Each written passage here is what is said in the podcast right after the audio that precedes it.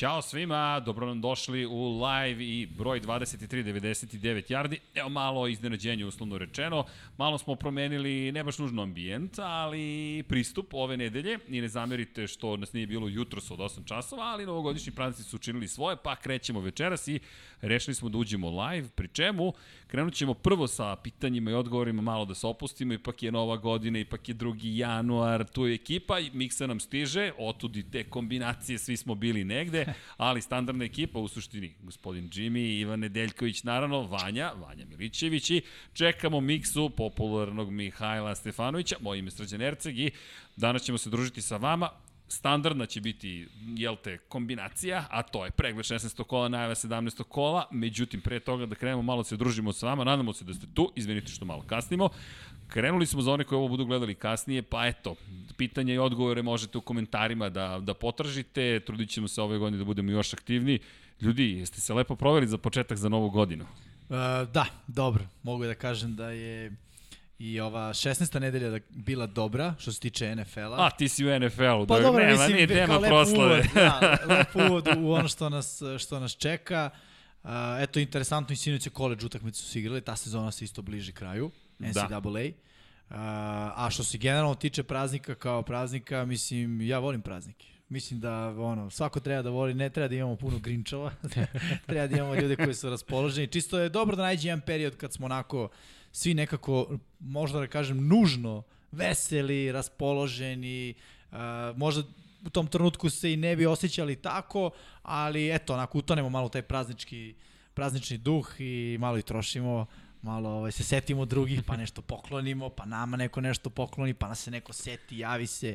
Tako da ja volim generalno Čekaj, praznike. šta si ti dobio za poklon? A, Čekaj, šta kada... si ti dobio za poklon? To mene zanima. A, ako, ako, ako može možemo kadar, Dom Pablo moj, da, evo, ga, evo šta je, je dobio za poklon. Naravno, navijač Filadelfije je dobio Od drugog navijača. Od drugog navijača. Mog brata rođenog, da. da. Čekaj, vi to porodično. Da, da, to je porodično. Već još je naš čukundera, se.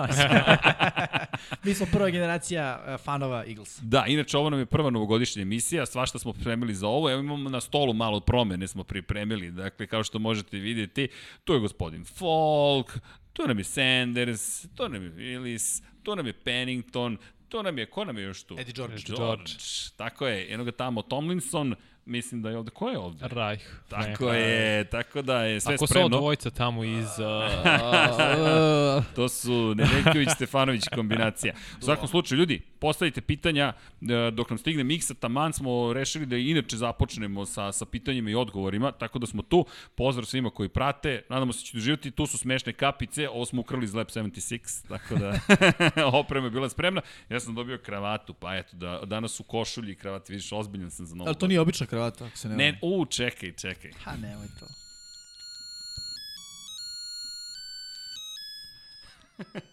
Oj, ovo će da ispadne.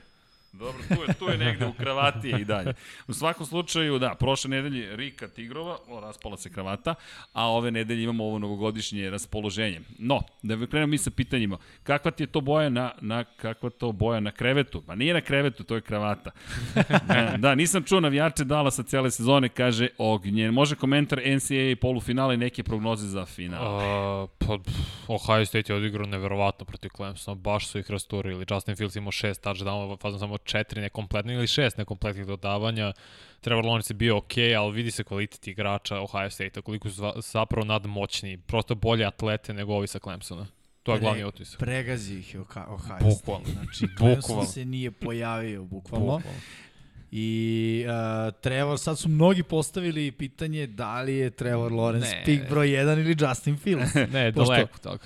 Pa, slažem ne, se. Ja mislim da je Lawrence kompletniji.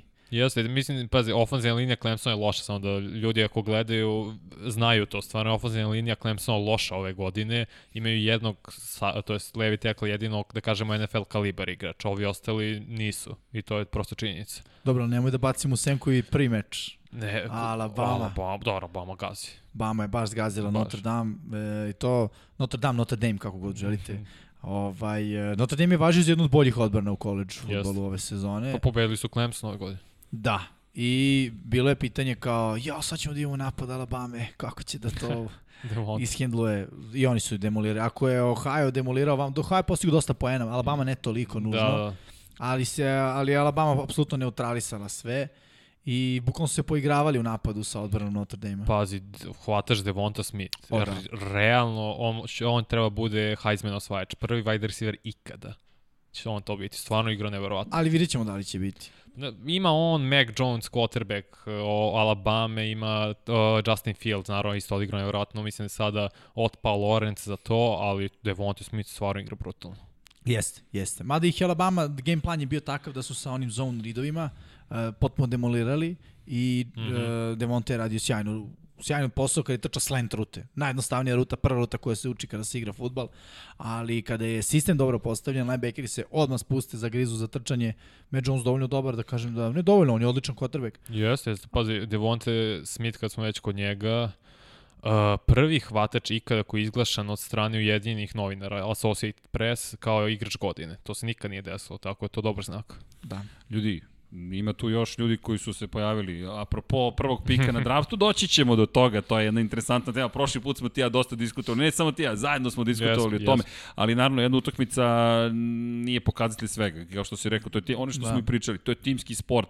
Jedan igrač može mnogo toga da učini, ali meni ono što je bilo zanimljivo je Trey Sermon takođe. Dakle, ne znam koliko, koliko, koliko je vama to bilo interesantno, ali ta igra trčanja mi meni bilo zaista da, da. impresivna. Kad pogledaš čovjek su malo nije imao 200 yardi na, na, A na G. Harris sa Alabama, izvinite što ja toliko propovedam Alabamu, ali stvarno, na inače, G. od- Harris je preskočio ono, Impresivno. odraslog čoveka u, dok je stajao i odlično igra Harris, ja ga isto vidim. Mislim da on neće izaći ove godine na draft. Ne, mora. Mislim da, Mora, jel? Da, mislim da mora. Trebao je prošle godine možda, pa kao kraj ide sledeće godine. I mislim da to prava stvar, stvarno da izu, treba da izađe. Da. A je on brat od Damien Harris? Obojica, obojica sa Alabama, sad ne znam da li je to konekcija, moram siguran. provjeriti. Mislim da nije. Mislim mm -hmm. da nije. Ja za na J. Harrisa znam još e, iz srednje škole. Imao Da. da. neke sulude highlighte kao Lamar Jackson recimo svoje vremeno kad je isto bio u srednjoj školi. I tad sam prvi put video momka navio da potpiše za, to je da potpiše, da izabere Alabamu, izabrao je Alabamu. Međutim, e, nije u prvoj godini odmah bio starter. Dobro, duše, teško je na Alabami. Samo na Alabami Jest. kad se starter, to baš govori o kvalitetu. Oni manje više ceo tim imaju sastavljen od igrača koji su četiri ili pet zvezdice da. rangirani u, u celoj Americi. Ali ovaj, e, ono što, što mene raduje kada pogledam i kada pričam o ovom novogodišnjem poklonu, odnosno ekipi Eaglesa, trenutno bi Eaglesi imali peti pik na draftu. Što znači da Dobro. Devonte može da dođe tu kao opcija, za ne? Kako bi bilo... Treba hvatač pa. Kako ne treba od... Možda on ili Jamar Chase. Mislim, i Jamar Chase nije ove godine igrao, ali on je prošle godine Da, realno bio najbolji hvataš. slažem se. Hoćemo dalje za, za pitam. Molim da. Vanju za komentar Big Benove partije. Pa doćemo do toga. E, e, samo se Ajde, razumem. ajde Ajmo odgovori pitanja. Ovo je sada pričamo s Big publikom. Ben je odigrao čekaj. neverovatno. Stefan Dulić pita. Ne, slo- slobodno Stefan, Big Ben je odigrao nevjerovatno. To ja ću prvi da kažem, pogrešio sam, kolci su igrali na kraju drugo polovreme lošije, Steelers su odigrali drugo po, polovreme kompletno, napokon su odigrali kompletan meč, a Big Ben najbolji utakmica sezone. I Slažem stvarno se. je bio impresivan. I sad neće igrati ovo nedelju odmara, će igraće Rudlu, što je, mislim, idealno za njega. Neko odmori tu ruku taman za playoff. Da, inače, Radivojić, Radivojić, Srki dobio si strajk od YouTube-a zbog muzike. Ma mi stalno dobijemo, nije strajk, nemojte da brinete, da je strajk odavno ovaj kanal ne bi postojao, ali nam samo isključe monetizaciju. Nije, nisu strajkovi, sreće mi. Imamo jedan copyright claim za sada, ali ok, prošli put smo, prošli put smo svirali, Vanja, ti si bio tu, Dom Pablo je takođe bio tu, radili smo, svirali smo uživo muziku za Formulu 1, toliko je dobra bila svirka, da se pohvalim, da su nas isključili. Ali ne brinite, strajkove nismo još dobili. Imamo jedan copyright claim u svojoj istoriji, trudimo se sve da poštujemo, no i to se ponekad da desi, ali nemojte da brinete. No, šta ćemo sa Steelersima? Steelersi, Steelersi, mislim da su Steelersi dosta popularni na ovim prostorima. Odigrali su napokon kompletan meč. Drugo polovreme. Odigrali, pored te, ta, Tennessee, protiv njih su isto igrali poprilično dobro čitav meč. Ovaj meč su u drugom polovremenu odigrali neverovatno. Stvarno su odigrali super i vidjet ćemo sad u sledećem kolu. Ja mislim da će pobediti. Ja sam njih izabrao, to će biti malo do Pa otkrivanja. da, izvini, već ima i pitanje da li Steelersi mogu da prođu prvo kolo do igravanja. Zavisi koliko... Ne znam sad na koga idu, to je problem. Ne, imamo spremno i Lego glavu. Pazi, Lego glava E, je na da. stolu. Lego glava krije nešto što smo pripremili za malo kasnije, ali u Lego glavi je tajna. Svašta će biti. Inače, dogovorimo pitanje Mihajlo. Stiže nam Mihajlo. Novogodišnji su praznici. Treba se vratiti sa, jel te, izlazaka Udaljenih iz Beograda, destinacija. Tako, udaljenih destinacija. Tako da smo mi odlučili da ispoštujemo 20-30, da malo okrenemo, da pitanja budu na početku, pa kad Miksa stiže, krećemo sa klasičnim delom emisije, a kažemo da iskoristimo pitanje. E, mišljenje Jimmya na odlazak Švarca iz File, Aleksandar Da, Posić. to sam pročitao pre bukvalno par sati. Uh, Jim Schwartz je bio glavni trener jedno vreme. Ako se ne varam, Detroita je bio glavni Jeste, trener. Jeste. Uh, oprobao se kao defensivni koordinator, kao glavni trener. Kako iz onoga što sam ja mogu da pročitam uh, kao informaciju, negde je rekao čovek da je se malo prezasitio NFL-a. Da se malo prezasitio cele, cele priče i da zbog toga odlazi u, u penziju. Nije nemoguće da ga vidim, nije on toliko ni, da kažem, star u smislu godina. Biološki čovek i dalje može da, mislim, kadar je da se bavi nečim. Uh, mislim da je on, ako pričamo kakav je on defanzivni koordinator, mislim da je on dobar defanzivni koordinator. Uh, ta odbrana Filadelfije pod njim, realno kada pogledamo, bila dobra, bila pristojna. E S sad, obzirom s kim, ko, s kim je imao. Jeste, ali sad, ok, da, nije njegovo nikada on bira igrače, to je uvek GM, glavni trener, su ljudi koji, da kažem, se bave personalom. Naravno da se i on konsultuje da je pitan, ali je sada veliko pitanje koliko je zapravo on odlučivao, e, recimo, uh, ovu trojicu možemo da otpustimo, ovu dvojicu ćemo da zadržimo, konkretno mislim na, na pitanje cornerbackova, recimo, to je negde možda glavna tema kada pričamo o Philadelphia. Ali uh, definitivno mislim da u Fili treba se dese neke promene. Uh, ovo je jedna od stvari, mislim da nije nateran, da je prostor on sam osetio da je to to, možda ima neki prelomni trenutak, možda da suši u play-off, možda bi rekao, ok, ostaću, imam neki motiv, mm -hmm. ali trenutno iz onoga što sam ja pročitao, ako se ne varam, on je naveo kao razlog zašto se penzioniš, znači nije idem iz Filadelfije, je motiv. Prosto, onako, malo ga je pustilo sve to. Možda čovjek ode analitičare, pa se vrati za neku godinu. Nije nemoguće, mislim, vidjeli smo to. Ima pitanje da li će Cleveland biti kompletan, da li se na, vrećen, na teren vraća Landry. Da, Jarvis Landry se vraća na teren i još trojica igrača su skinuti sa COVID-19 liste. Ko je na, na COVID-19 listi i navijači New Orleans Saintsa će biti, pretpostavljam, do nekle zabrinuti. Možda ne toliko za ovo, za ovo nedelju, koliko za sledeću. Alvin Kamara neće igrati tokom ovog vikenda, a s obzirom da je došao na COVID-19 listu, ne znamo šta će biti za prvo kolo play-offa osim ukoliko se ne desi da Green Bay izgubi. Mislim da, izvim pa što Saintsi, prekida, da. mislim da Saintsi nemaju šanse, zato što Seattle ako pobedi, Green Bay izgubi, Seattle je prvi. A Ne. pošto je Green Bay dobio Seattle, Ne, ne, tri, Poklop. tri ekipe su još uvek u igri. okej. Green Bay, Saintsi mm -hmm. i Seattle. Čak i Seattle ima šansu da bude prvi. da, da, ako pobedi... Ukoliko, ukoliko pobedi, a izgube i Saints i izgubi Green Bay. A Green Bay, ukoliko izgubi Saints, imaju šansu takođe da preuzmu vodeću poziciju. Postoji taj breaker u scenariju u kojem to, to, to, to, to igra igru, Okej. ali ukoliko se to desi, onda kameru mogu da očekuju. Međutim, to sad treba sve da se izdešava tokom ove nedelje, ali to je ta luda nedelja, zato svi jedva Da. čekamo Miksu da stigne da najavljamo 17. nedelju i da ispratimo naravno 16. Inače, pitanje za Ivane za tebe, da li si sigurno da će se Fila izabrati Devonte, pošto smo videli da su izabrali Jelena Rigora ispred Justina Jeffersona? Pa, To je ono što me plaši, ja nisam siguran, ja se samo nadam, ono, nada umire poslednja. Ja ne znam šta Philadelphia radi kada pričamo o draftu. Možemo reći da je Hurts za sada deluje kao ok pik, uh, ali od njihovih tih rukija, eto, Jalen Rigor, onda uh, ovaj uh, Arsega, Arcega Whiteside, Whiteside, JJ Arcega da, on pro, pre, prošle godine, tako, Tako je. on je potpuno jedan ono znak pitanja, mislim, ajde neću da kažem da vređa momka, ali ne znam šta radi, ne znam kakav je on pik uopšte. Nije se pokazao. Nije se uopšte pokazao u Filadelfiji. Tako da ja se nadam da će ove neke promene u, u, u Fili uh, dovesti do toga da se i na draftu uradi bolji posao. A ja bih volao da Devonte uh, Smith bude, bude taj pik. Da li će ga izabrati, ne znam. Philadelphia očigledno ima problem sa krupnim hvatačima. Ja mislim da su krupni hvatači budućnost NFL-a. Pogotovo gledavši uh, juče college utakmicu kada vidim one momke koji su kao listed as tight end stvarno liči na ono, manje DK Metcalfa. Da. Može taj ten samo na koleđu, a kad dođe u NFL ide odmah na hvatača. Ali to samo znači da će znati da blokira i da će biti problem za defanzivne bekove generalno. Pa samo ću navesti jednog sa Floride, Kyle Pitts, tight end, koji realno je top 15 talent. A on je tight end, a realno je na tight end. Stvarno izgleda kao Da. wide receiver. I ovaj momak sa Notre Dame 87, zaboravio sam prezime. Uh, sad ću nikako, ne mogu da. se setiti. U svakom slučaju, eto, on je kao tight end za Notre Dame, mm Mhm. -hmm. uvek ga stavljaju kao hvatača, kao slota uh, i mislim da on kad bude došao, ako bude došao u NFL, mislim da ima taj kvalitet da bude draftovan, da bi definitivno bio hvatač. Vidim ovde ima pozdrav svima, naravno, krenulo je još od Ohio Clemson, Vanja nešto pitanje za Lorenza, ne, ne znam da li smemo da odgovorimo o, na šta, to. šta treba? Ne, nema ništa, to je šala, vidi, to je sve šala. Pozdrav od Ivana za, od Darka iz Niša, da imaš, O, imaš pozdrav, pozdrave. pozdrav. Srećno novu godinu, da, srećno novu godinu, ako nismo slučajno poželeli, želimo vam sve najlepše, pre svega zdravlja, sreće, ljubavi, da nam bude mnogo, mnogo, mnogo lepše. Hej, čekaj, sad kad vidim Tomlinsonov dres, 2021. nekako to obećava već. Na, da, da će 21 to biti... je dobar broj. Deluje mi da će biti dobar, dobar broj. broj. Mnogi Samo... veliki igrači su nosi 21. Samo kaže što je Michael Mayer, on je freshman. U, znači on, on neće još, biti u NFL-u još. A pazi sad već kako igra kao freshman. Inače, Nikola, idemo Dallas. U, Dallas je interesantna tema. Dallas I vrlo bi mogao da. u play-off da uđe na kraju posle cijele bajke i svega što se dešavalo i te poteškoća. Pa sad, ako pričamo o onome, a uvek pričamo o tome, o trendingu, Dallas ima najbolji trending na istoku NFC. Mislim, uh, pobede su anizali, odbrana je krenuo da igra to je ono što je što je dobro. Nisu se ok naigrali sa protiv ne znam kakvih napada, e, ali su se aktivirali. Ok, ali to je dobro za moral. Pogledam, Washington je vezao neke, neke poraze, uh, ali u svakom slučaju, eto, Washington, možda možemo i mi da otvorimo, ne znam li ima pitanje za Heskinsa.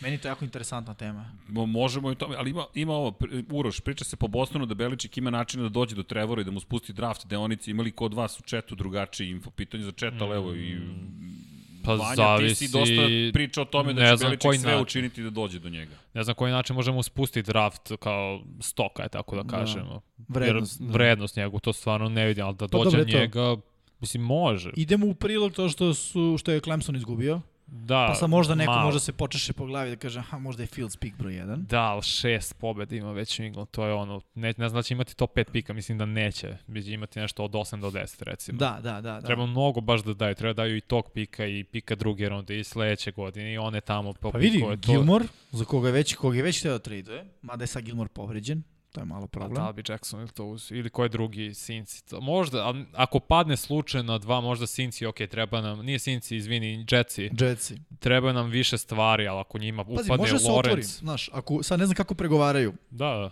Ali gledajući onaj film Moneyball, Uf, da, duše, bejsbol je u pitanju, ali u svakom slučaju... A draft day?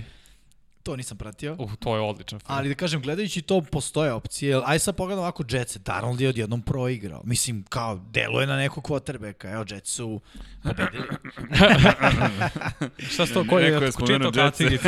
Neko je spomenuo Jetsa, čekaj, to je, to je kod mene, molim vas. Ja ti rekao, nova sila, nova nada kreće. Evo. To je nova energija odavde iz studija da, dolazi. Da, je, vidi, kada su gledalci 99 yardi izabrali da navijam za New York Jets, to ti je to. Vanja, zagarantovano, sa koga god, šta god da se desi, samo polako. Pamti, iz narednih 10 godina Jetsi će doći do, veli, do ozbiljnih visina. Da, ja, kažem, možda se desi neka vrsta trade. Ja iskreno sumnjam u to, jer ipak kad najde takav igrač uh, kakav je uh, uh, Lorenz, mislim da redko ko može da prihvati neki sad, ne znam kakav trade. Ali eto, ne znam, to je vrlo interesantno pitanje. Da, inače, imamo pitanje konkretno ko će biti prvi quarterback za Washington protiv Filadelfije. Dosta toga se desilo ljudi tokom ove nedelje. E, kada govorimo i o, o, o Washingtonu, Dwayne Haskins, kada spominjemo Haskinsa, Haskins ljudi je otpušten da. E, i ne samo što je otpušten, ostao je bez menadžera. Njegovo ponašanje je bilo toliko neprihvatljivo da je zapravo čovek trenutno na neki način izopšten iz NFL-a. Alex Smith je planiran inače da bude startnik quarterback ove nedelje. Po onome što se priča tokom treninga kako kako igra, kažu da je kao Alex Smith iz najboljih dana. Tako da, Odlična vest. ukoliko je to zaista tako, Filadelfija će imati ozbiljan posao. Ali da čekam tu utakmicu, moram ti priznam da mislim da će to biti jedna vrlo ozbiljna utakmica. Pa, ja bih volao da ne bude iskreno. Ja nosim ovaj duks, ja podržavam ekipu, ali mislim da je trenutno najpametnije za Filu da izgubi taj meč da utvrdi tu poziciju na draftu, prilično visoko. A, čini mi se kad sam gledao danas pre emisije da su i bili peti, ako bi se danas završila sezona. Da, da. Što a, praktično znači da koliko izgube ne mogu biti gore od broja 5. Mislim da sa je pozicije, eventualno ako možda budu i četvrti, stvarno da budem iskren, nisam pratio šta, šta može da se desi, ali evo, evo sad će Vanja da, da baci pogled. Uh, Ali eto, kažem, peti ili četvrti pik, tu su mnogi igrači izabrani tako visoko i da su odlični. Jes, još pritom ti znaš da će quarterbacku ići prva tako dva. Je. Tako, tako da nije ništa nemoguće. Fila ne, ne, ne treba da juri quarterbacka, ne. definitivno. Ne treba im recimo ni trkač po meni. Ofenzivna linija uvek treba, mislim to je ono... E, to stvarno Jasno treba. kao dan, da, pogotovo u Eaglesima. Mislim da priča sa Petersom i sa... A, kako se zove ovaj momak? Fila ima šesti pik. Oni Šesti. Cincinnati su izjednačeni. Aha, okej, okay, okej. Okay. Da, Cincy baš da pobedi ove nedelje. Biće jako teško. Ali da. u svakom slučaju Eaglesima je pametno da, da, da izgube. Ofenzivna linija jeste problem, ali mislim da bi i kad imaš tako dobru poziciju na draftu, da bi trebao da uzmeš ono što kaže Beliček, najtalentovanijeg igrača. Pazi ovo, uh, da slučajno nekako preskoče Sinci. Mislim da im najbolje opcija uzmu da izaberu Penny Sewell, ofanzivni tackle iz, sa Oregona koji je najbolji u poslednjih 4-5 godina. Levi tackle, idealno imaš zaštiti Ili imaš sada draft poziciju u ovom trenutku? Uh, drafta. Imam Jackson, ima prvi pik, Jetsi drugi, Dolphinci koji dobiju od Houstona treći, što je Da, veoma neće zanimljivo. juriti... Neće, Možda neće. jure hvatače možda, nema, možda oni spuste da dobiju što više, jer ipak malo pozicije imaš da popuniš, ali vidjet ćemo Atlanta četvrti, Cincinnati peti, Philadelphia šesti, pa Da, ide Atlanta Lions. neće da. uzeti hvatača. Neće, Cincinnati možda, moguće, možda. ali ne, oni će tekla. Oni ako osnovu da. tekla, ovaj mislim da je zacrtan. Da. Inače, pošto ima dosta pitanja, da li će Tua ili Fitzpatrick startovati protiv Billsa? Tua startuje, Inače, Fitzpatrick je na COVID listi, testiran je i pozitivan je, nažalost, na COVID-19, tako da sigurno neće startovati, ne, ne može prosto da startuje. Tua mora da odigra utakmicu, ljudi, to je mnogo važna utakmica za Miami. Miami mm. -hmm. mora tu da, da dobije, to jest ne mora, ima čak i šansa da, da, da se tako razreše stvari u korist Majamija, ali budimo realni. Pobeda je ta koja im donosi ulazak u play-off i to, i to idu u Buffalo, koji će imati koji će zapravo imati gledaoci prvi put ove sezone na svom terenu. I Buffalo koji će imati čak i utakmicu na domaćem terenu, pošto je obezbedio pobedu u diviziji. Buffalo koji će biti u punom sastavu. Da. Tako je. Buffalo neće odmarati igrače kao recimo Chiefsi. Ili, ili Pittsburgh. Ili Pittsburgh, da, pošto je najavljeno da za Chiefs neće startovati Mahomes i za Pittsburgh s druge strane neće startovati Big Ben. Mm. -hmm. Tako da Buffalo igra full go. Ja mislim da će to biti veoma teško. Ima jedno pitanje. Jedno, jedno čekam Jimmyjev komentar o igri Baksa i Toma Brady u prošlom kolu, pošto ste ga Srki Team X-a pecnuli tokom prenosa. Da, aha, okej, okay, okej. Okay. Pa nema šta, igrali su protiv Detroita, to je komentar. Mislim. Dovoljno, dovoljno komentar. Da, mislim da me ne shvate ljudi pogrešno. Ja stvarno, ja obožavam NFL. Ja imam svoju omiljenu ekipu, ali evo, Fila neće biti u play-offu, ja ću s istim žarom da pratim play-off.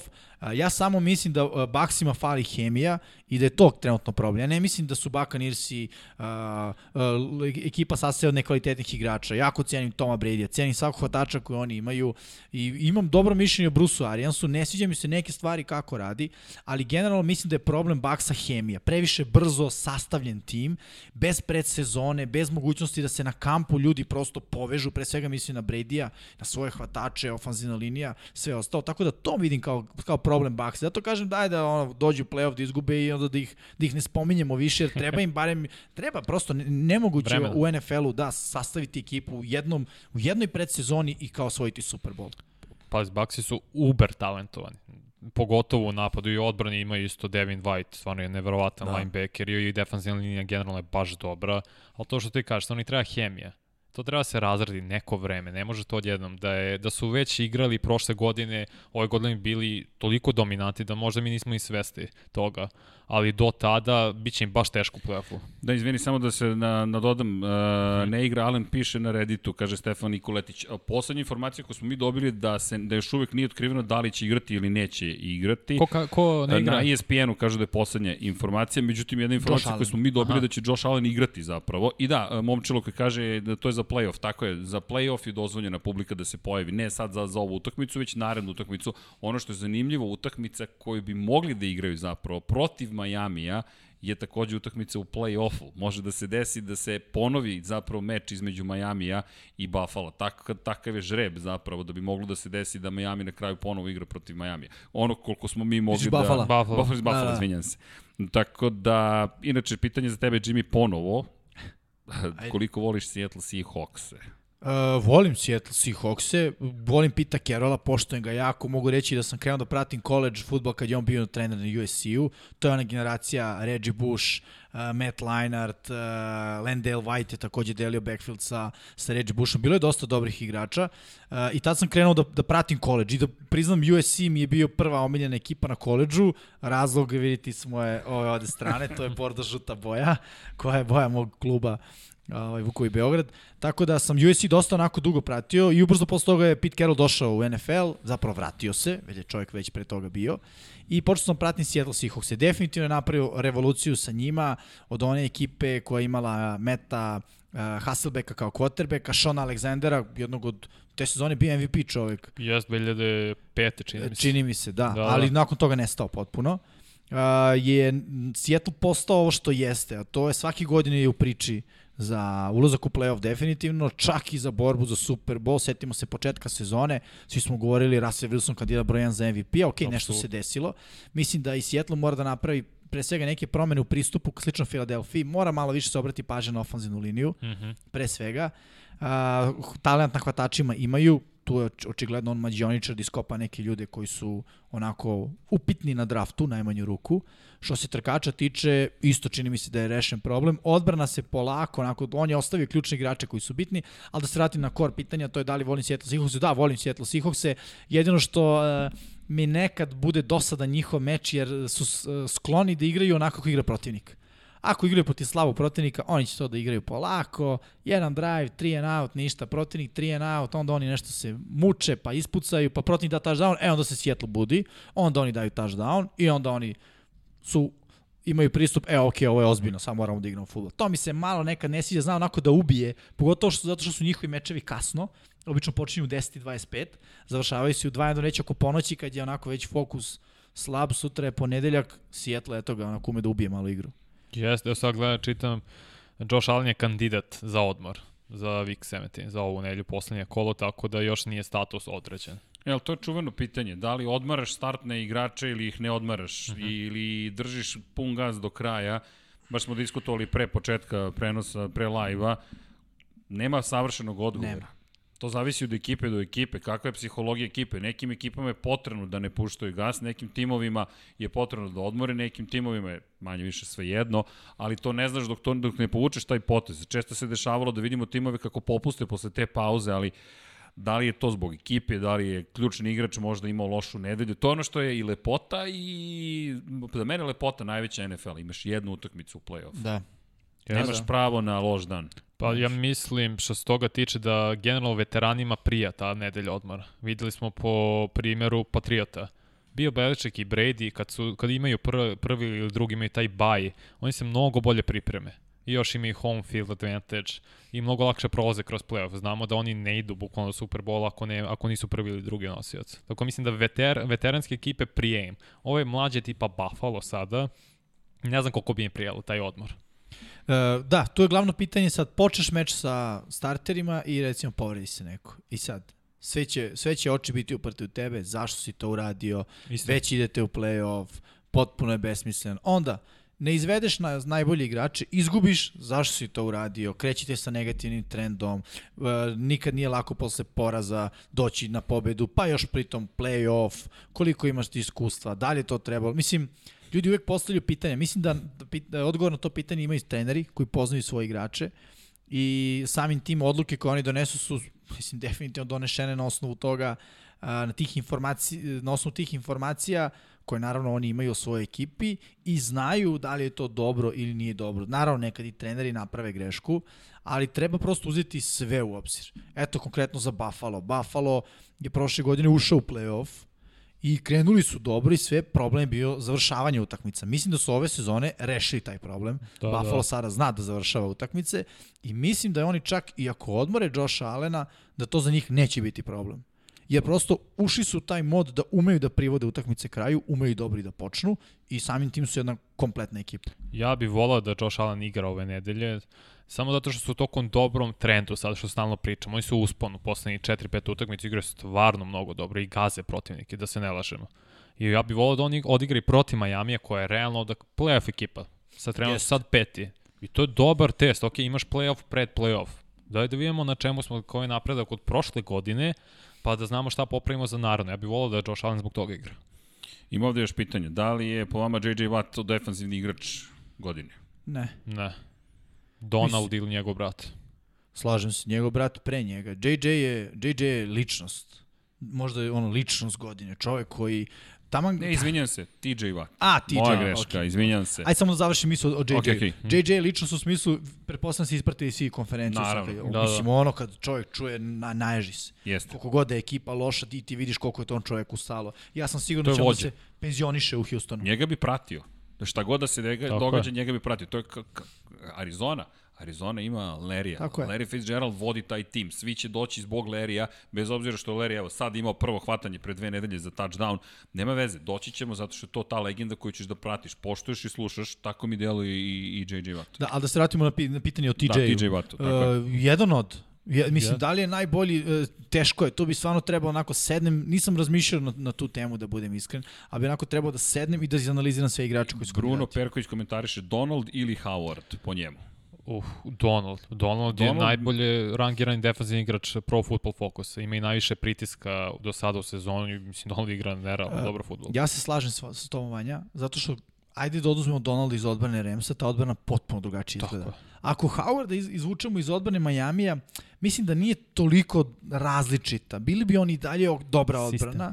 Sistem, slažem se, sistem. Ali e, i, i, pogotovo što onako igrači defanzivne linije, ajde oni i okej, ofanzivni sla, igrači slabo spominju, ali igrači defanzivne linije stvarno rade veliki, veliki posao. I ja bih isto dao prednost uh, Donaldu. E sad, Donald ili TJ recimo, Uh, to je... to je baš pitanje. Da, ali Donald, šta je meni impresivno kod Donalda? Donald je i kad je nevidljiv, on je prisutan. To je ona Mhm. čuvena priča o defanzivcima tog ranga. Ti imaš dva čoveka, tri čoveka na Donaldu. Ti kada pogledaš svaka utakmica protiv Remsa, ti, ti posmatraš kako tri ofanzivca moraju da se rvu sa njim.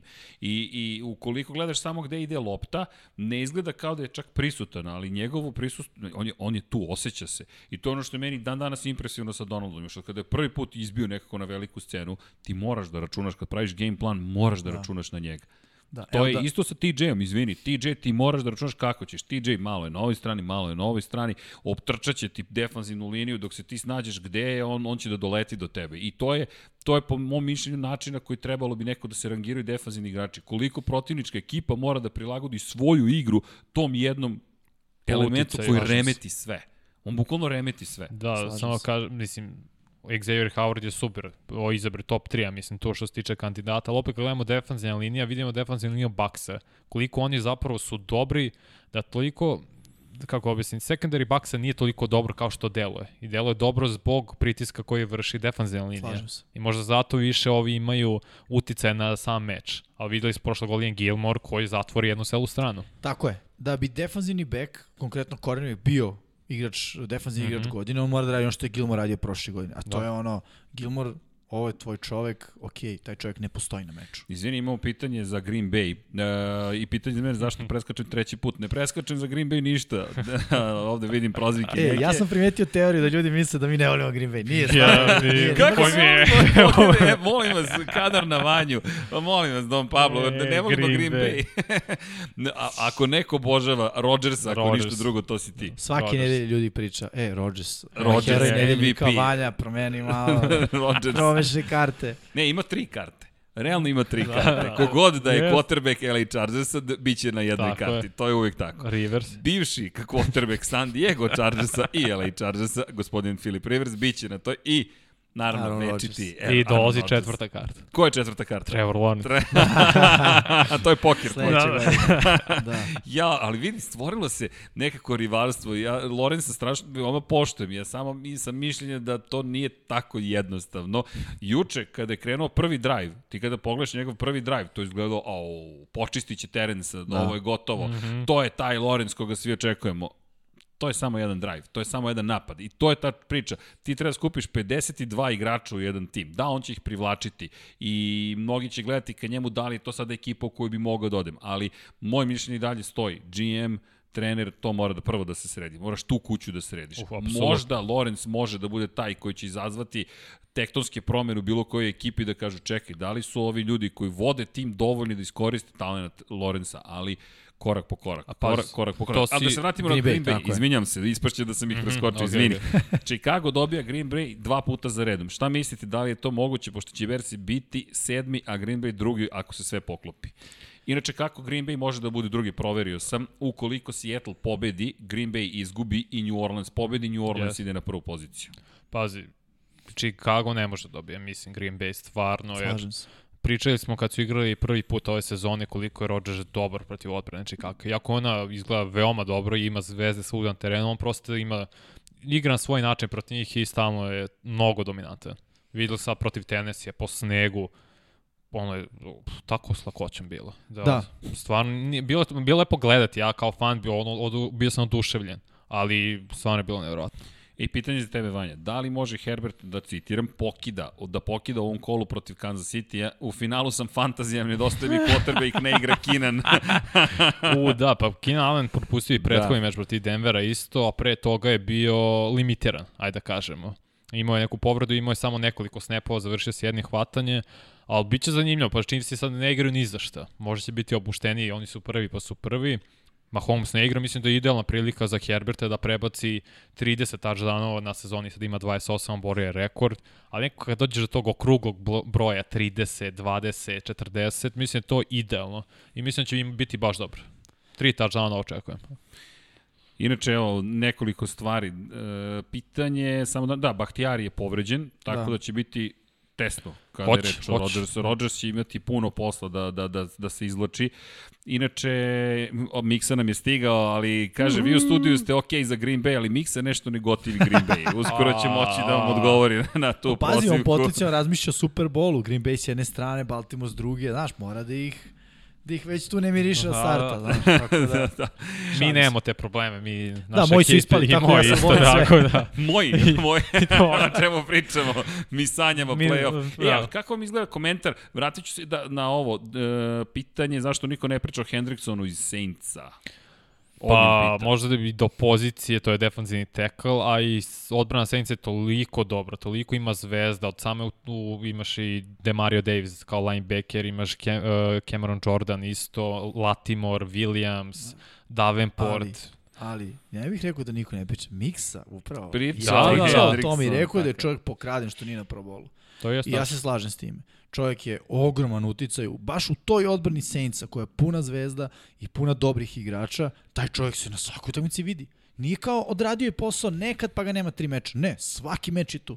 Jest. I inače, kako vam zvuči, evo, diskutujemo malo, oglasio se i Bruce Arians, glavni trener Tampa Bay Buccaneers, rekao da je prevazišao njegovo očekivanja Tom Brady u prvoj sezoni u Baksima i da posle 13 godina su najzad kao tim ušli u play-off i da je to tek početak kako vama to zvuči? Posle svega što smo čuli, opet, kao da imamo kontradiktorne informacije, toplo, hladno, jedne nedelje te volim, druge nedelje te ne volim. Ne znam da li je to način da motiviše Bruce Arians. Nemam odgovor, samo mi je to zanimljiva izjava za kraj da. sezone. Mislim, ja ne znam početak čega kad je Brady tu na dvogodišnjem ugovoru, iskreno. Mislim, ne bih da zvučim loše, ali ok, možda Brady bude želeo da igra i dalje, što je ok, ja mislim da je Tampa da. samo donela odluku dve godine, pa ćemo da evaluiramo.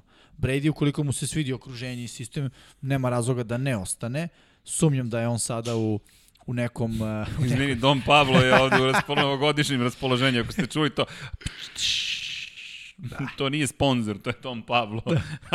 Ali to je okej, okay, izmeni prekinu. Da, da, da. Generalno mislim da Brady može da ostane u, u Tampi, da to nije, da kažem, neki, uh, ne je bilo iznenađenje za mene, da. ali mi jeste malo iznenađujuće da je Arians rekao to je tek početak. 44 godine ima, pazi, veoma poštujemo mm. sve to što je postiglo 44 godine. Ljudi, on uskoro da. puni 44 godine.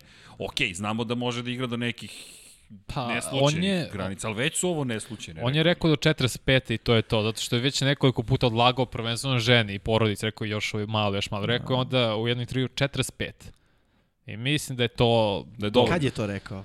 sa, sa 38, da, sa 38. Da, to je tačno, to je tačno. 38, 45 ja delovao da je to igraće do plus 7, pa sad koje god daje, bit će plus 7 godina, ali kada, kako god pogledaš, rekao je prosto Arians nešto pozitivno za kraj sezone, možda je to način da se motiviše. Inače, da odgovorim na pitanje da li radim prenos večeras na sport klubu. Ljudi, danas je subota, ko ovo gleda u reprizi, subota je, nema prenosa danas. Poslednje kolo NFL-a uvek je po tokom poslednjeg dana, ovde se ekipa priprema, zato je kadar na meni, pa su mi dali da malo duže pričam, ali činjenica je da se svih 16 utakmica, sve, sve 32 ekipe izlaze na teren tokom jednog dana. To je ta nedelja, poslednja, 3. januar ove godine, tako da ćete sve utakmice gledati u nedelju.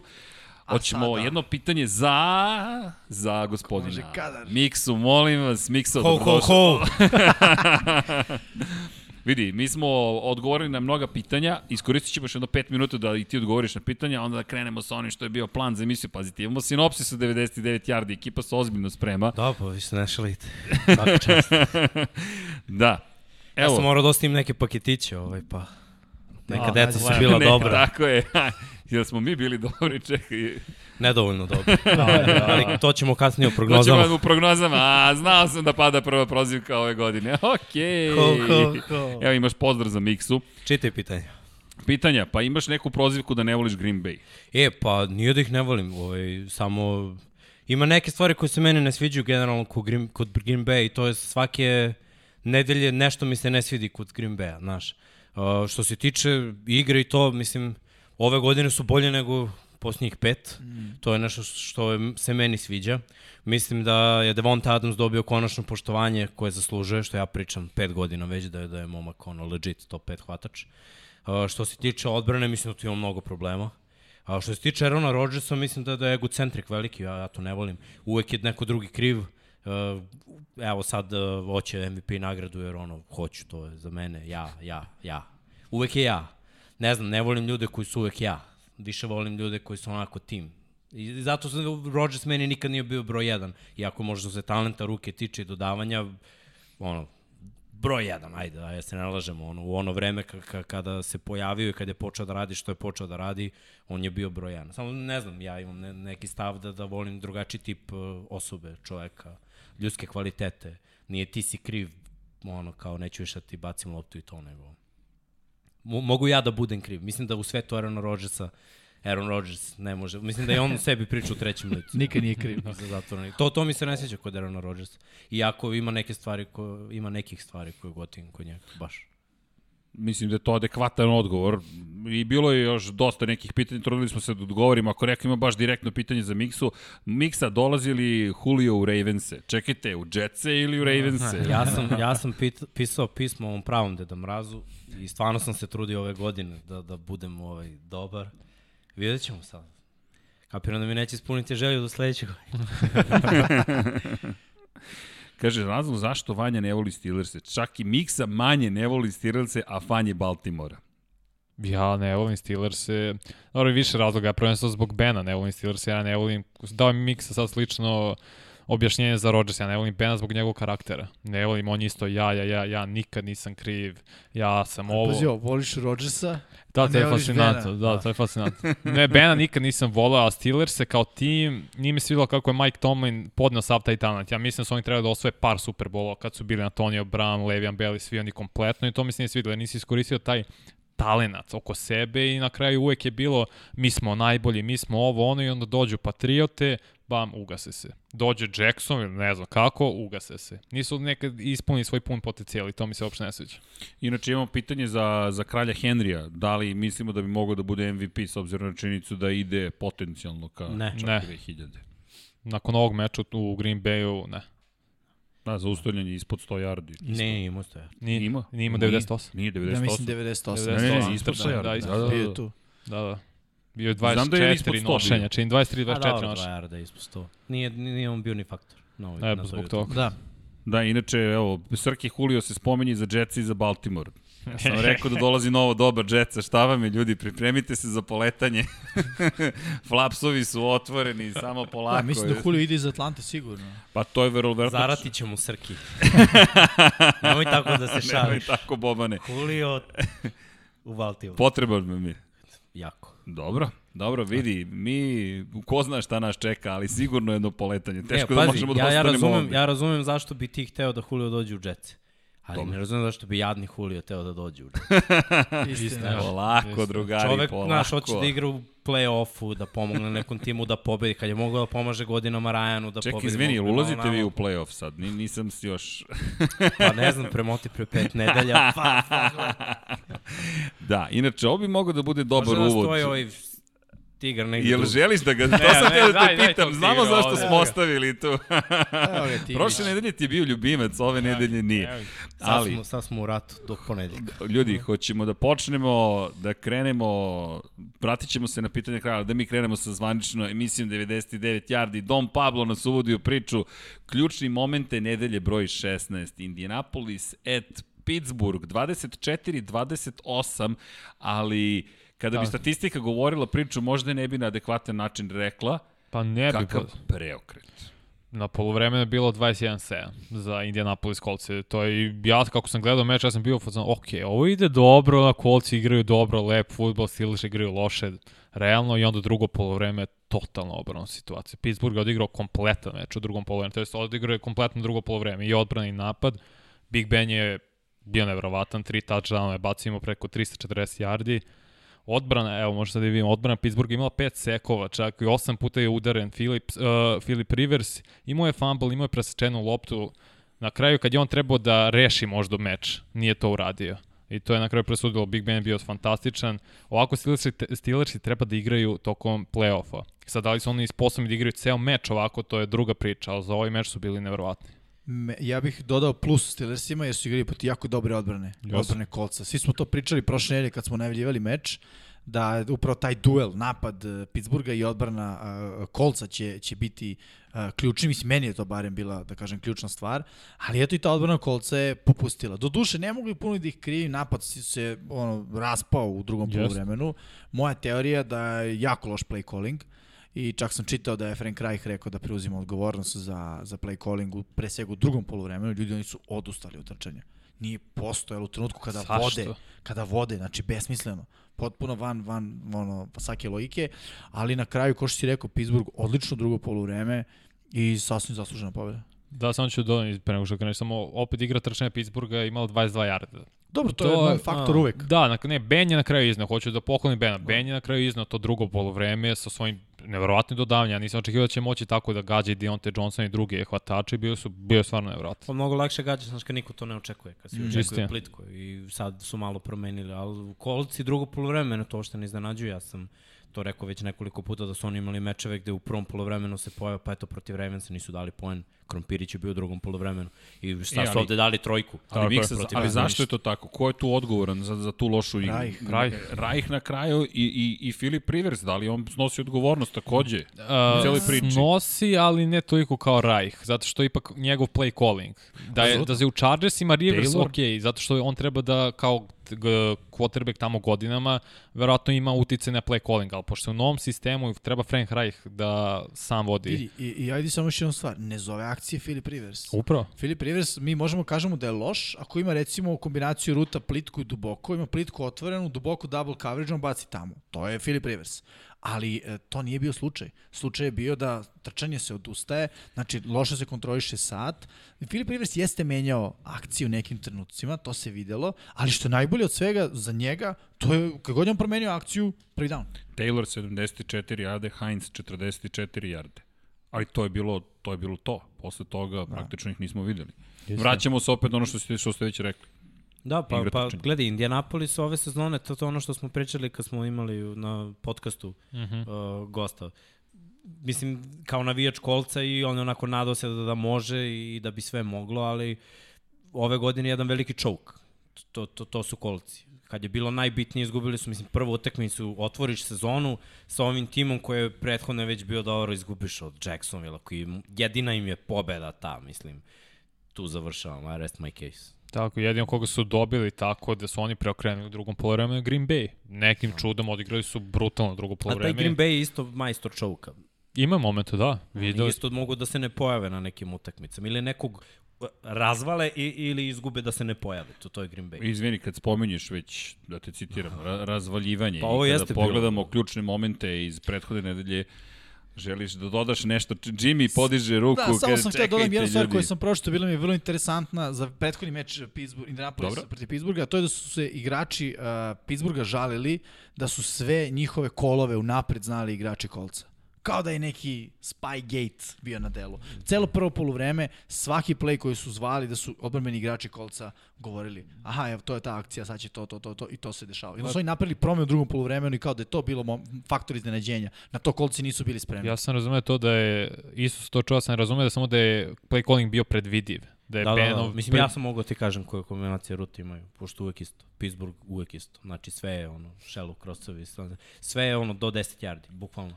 I screenovi. Mm. Mnogo, mnogo predvidiv play call.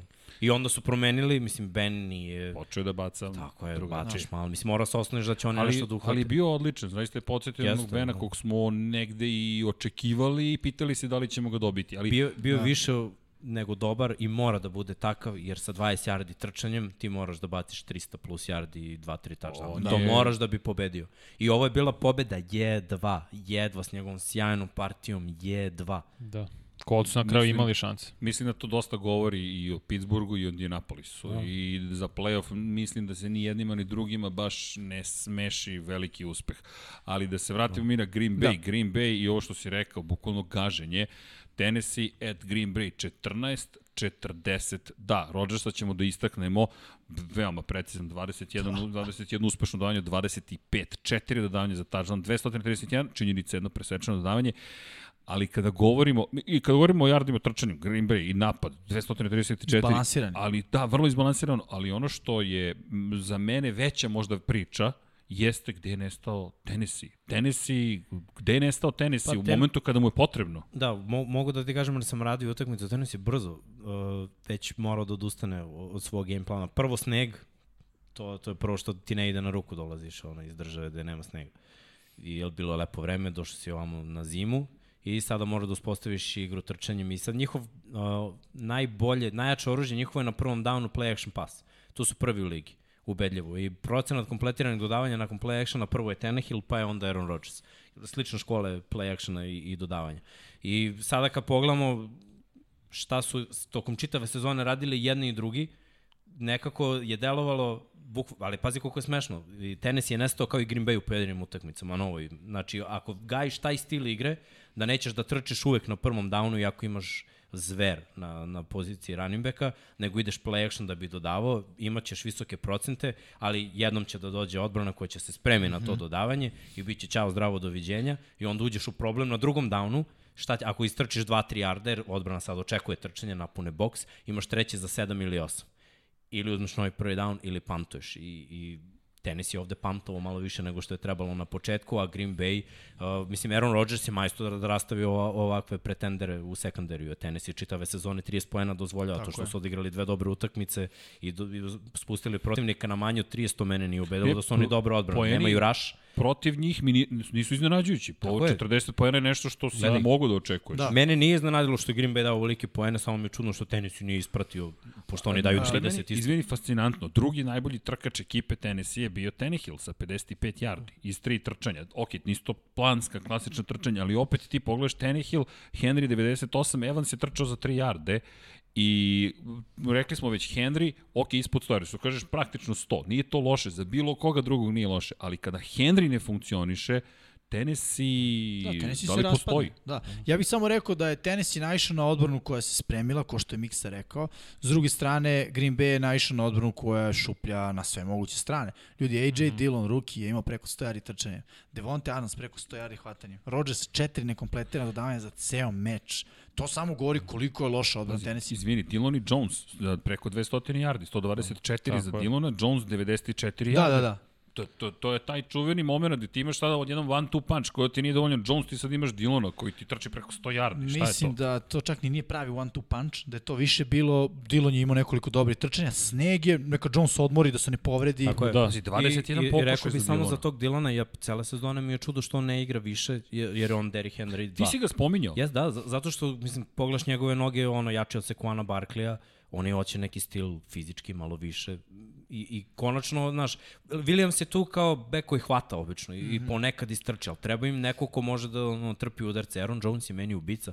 Aaron Jones je meni stvarno top 5 running back, jer neke stvari koje on radi, redko ko u ovoj ligi može da uradi. Ali i njemu treba malo odmora i zašto bi ga menjao running backom ko- koji je sličan na njemu. Promeni Da, da, ga running back, jer sad odbrana totalno je neatipično. Kada braniš Williamsa, on ima neki stil koji je sličan Jonesu. Dillon potpuno drugačije ovo čovek, Tako. planina ide ka tebi. Tačno se videlo da niko iz Tennessee neće. Okej, jeste, jeste. niko nije teo da ga obara. Yes. Ali, Odbijali ali boli, to, ali na snegu, na hladnoći, to sve mnogo više boli. A neka, pa, mislim, Al za pazi- te milione nek te boli. Znaš, slušao sam, slušam što je pričao Brandon Marshall. Kaže, isto je bilo, igrao sam u Chicago u slično vreme kao sada, igrali smo protiv Dallasa. Des Bryant je izašao iz slačionice da se zagreje, samo je provirio, vratio se unutra, njemu, je- on je rekao, mi ovo, njih rasturamo. Znači, ljudi se nisu je navikli da igraju na hladnoću ovako. Green Bay jest, Rodgers da. jeste. Faktor definitivno. Da. da, i Tenehill koji ima 24 pokušaja, 11 uspešnih dodavanja u celoj toj priči, dve presečene, dva presečene dodavanje, jedno uspešno dodavanje za touchdown, 50% uspešnosti, manje od 50% uspešnosti, to je već isto problem po, ozbiljan po sebi. A kad pogledaš Rodgersa, nije bilo mnogo pokušaja. Kad pogledaš Big Ben imao 49 bacanja, Rodgers 25. Da. Big Ben predvodi ligu po broju pokušaja da, da. ove da. godine. Ali znaš, za Rodgersa ne mora, jer sad igraju na play action, imaju sad dru, drugi stil napada. Big Ben ima ono shotgun i prangija. A Rodgers sad ide na taj play action na prvom downu, to je mnogo važno, jer ako si uspešan, plus kad igraš protiv ekipa koji nemaju rush, ajde da uzmemo to u obzir. Sad ove nedelje stiže ozbiljan problem, bez baktijarija koje pokido ACL, da. ideš na Chicago koji ima rush. Imao si Tennessee koji nema Ima neko pet sekova u tenisiju? Ne. Nema. Da. Znači, ideš protiv ekipe. Rodgersu daješ sve vreme ovog sveta. Mislim, čovek je ono, da, pa, stavlja odbrane da, da. za, za doručak. Čovek je zaključen MVP nagradu sad sa ovim. da zaključimo s ovim. Vanja je ubacio MVP da i Rodgers. Pa, da, ne, ne mora da znači. Ali pošto Mahomi ne igra, ne igra. poslednju, da. To. Čekaj, Vanja je rekao, kao što smo rekli, ko zna se, Rodgers MVP. Ja, moj, moja karta. Ali, imali smo mi još mnogo utakmica zanimljivih. Miami, Miami 26-25. Čekaj, ko hoće da priča o ovome? Mogu ja da spomenem samo poslednje da, bacanje? Da. Poslednji moment. Čekajte, neće biti... Imaćeš trenutak za to. Imaću trenutak za to. Ajde, nećemo. Evo, izvolite vi. Jimmy. Ajde, evo ja ću da kažem. Miami se provukao. Ja, za mene iznenađenje da nisu Raidersi toliko loši, to stoji, ali sam očekivao da će Miami biti bolji. I činjenica da je Tua zamenjen, da je ušao Fitzpatrick, me onako malo poljuljelo kada pričamo o Miami tom napadu. Ono što mi se svidilo to je povratak Geskina, koji, evo vidimo, 14 nošenja, ima 87 yardi, ne toliko sjajno, ali hvatanja, 5, 82 uh, jarda i, i, i dva touchdowna. A, sa druge strane, za Raiders je Nelson Agolor, mislim da on treba da ostane u Raidersima do kraja karijere, ovde hvata i to je jako dobro, 155 yardi na ovom meču, Voler isto negde da kažem vrlo standardan. Um, redko kad izdvajamo da kažemo i jedni i drugi igrači, igrači iz jedne i druge ekipe, ali ovde je zaista 26-25, ne možemo da kažemo da je neko nekog oduvao u, to, u tom smislu. Ali opet bi se vratio kažem na, na, na Miami, onako Miami baš će ove nedelje imati imati onako pravi pravi ispit da vidimo da li su playoff ekipa ili ne. Ove nedelje naravno oni rešavaju svoju svoju sudbinu, ali u ovom meču rekao bih onako možda čak i više sreće nego pameti za Miami. Da, i opet dolazimo i do trenerske odluke koja, koja je tu, ne znam, to ja bi to drugačije odradio kao trener i na konferenciji za štampu nakon utakmice čak i Grudan je rekao da bi sve uradio isto, ali mora bude svestan koju ekipu trenira. Ovo meni deluje kao nepoznavanje igrača svojih. Znači, o, dve opcije su bile. Da se potroši vreme koliko dostane 19 sekundi, a da pogodiš field goal i da bude dva pojena razlike, ili da ostaviš jedan minut, a da daš touchdown nemaju timeout i ovako i onako, ali ovako moraju da jure touchdown. Ti da bi šutno field goal, tehnički mora da dođeš do 40 yardi od protivničke end zone. Ti da bi dao touchdown, da budemo realni, mora da dođeš bar do 20 i da bunariš. Mm -hmm. Opet je teško, imaš jedan minut i odbrana je zna brani touchdown. Znači druga je priča totalno. Ti se odlučiš da na field goal onako, e, i kao imamo 19 sekundi, to je to, završili smo priču. Mislim, imaš šupljine na korneru, imaš pogobljene ljude na safety-u, Ozbiljan ono na coverage, znači bukvalno to je jedna akcija, ti na jednoj akciji pustiš lika, ti uhvati 35 yardi. Nevezano za ovaj face mask i ko što je rekao Mahomi, najbolji no look pass ikada, stvarno je najbolji no look pass ikada. Svaka čast za Fitzmagic, ovo je baš bilo magic. Iskrivljen vrat, čovek no baca 35 yardi, ej, 35 yardi nije malo sa glavom ovamo, ono, yes, svaka yes. čast. Jeste, pa Damon Arnett je napravio ogromnu grešku u coverage-u, ogroman kicks. Ali, mislim, cele godine oni prave ogromne kiksevi. Ovo je kiks trenera. Trebaš da ideš. Koliko je do kraja? 50 sekundi, uteraj touchdown. Neka bude, ajde se obezbedimo. Ajde da se mi obezbedimo da oni moraju da daju touchdown, pa ćemo onda da vidimo. I za, e, zato što nije to radio, nisu playoff. Neka gledaju sad kauča, pa neka razmišljaju šta je trebalo da urade, a Miami je odradio svoj posao, mada Fitz neće na ovoj utakmici da. igrati, duše da. Billsi odmaraju dosta. Nije ni Miami tu, ne, ne, ne cveta sve kako treba, ni, ni u Miami. Ofanzivno je katastrofa, mislim šta tu ima šest yardi po, po dodavanju. To, mislim, ima on kao neki dobar balans što se tiče touchdownova, intersepcija i to, ali mislim šest yardi, pa ja mogu tako da odim screenove, da check downove dodajem u NFL. A, pazi, što možda je Gruden bio, možda je Gruden uplašao što je bio realno za meč 0-10 na konverziji, konverziji za treći dan. Možda je to na kraju, ajde, field goal, to je bar, kažemo, sigurnije, jer mora, ako Ali nećemo kako na je sigurno trećem... kad je čovjek već promašio jednom? Ekstra Ako, a, pa, ja je to to sad razmišljam kao grude. Ako, ako nismo do sada uspeli da konvertujemo treći down, nećemo ni sad, nećemo sigurno onda ni četvrti, dajde field goal, field goal. Oni su uspeli, gledaj, pustili bi ih ovi da daju touchdown, oni su ih već pustili jednom kad, je- kad je pao na jedan yard. I sad trebaš na... A pazi, nije, nisu oni šutnuli na četvrtom je downu field goal. Pa znam. To ti priča. I dolazimo do toga da je Gruden dobio ugovor jedan 100 miliona. Dobro, treća godina već. Polako, tek Da, pa ne, 30 ali ovo je veliko razočarenje, znaš. Jeste, kako zato nije što veliko stva- Stvarno razočarenje. imaš utakmice koje pokažeš da si dobar, pokažeš da si loš i, i bilo je mnogo puta ove sezone gde, gde se zapitaš ko je ovde trener, ko je ovde, znaš, ko ovde šta radi, ko ovde šta radi, smo mi neka banda i, ili smo ono NFL tim. Nasleđe meni deluju, Oaklanda. meni deluju kao banda, baš baš kao raspuštena banda, jer samo raspuštena banda može onako da izgubi do, od Atlante i ovako da izgubi od Miami. Pazi, oni su i prošle godine imali 6-4, pa je sve krenulo nizbrdo. Ove godine 6-3, sve nizbrdo. Tako je to mnogo loši znaci.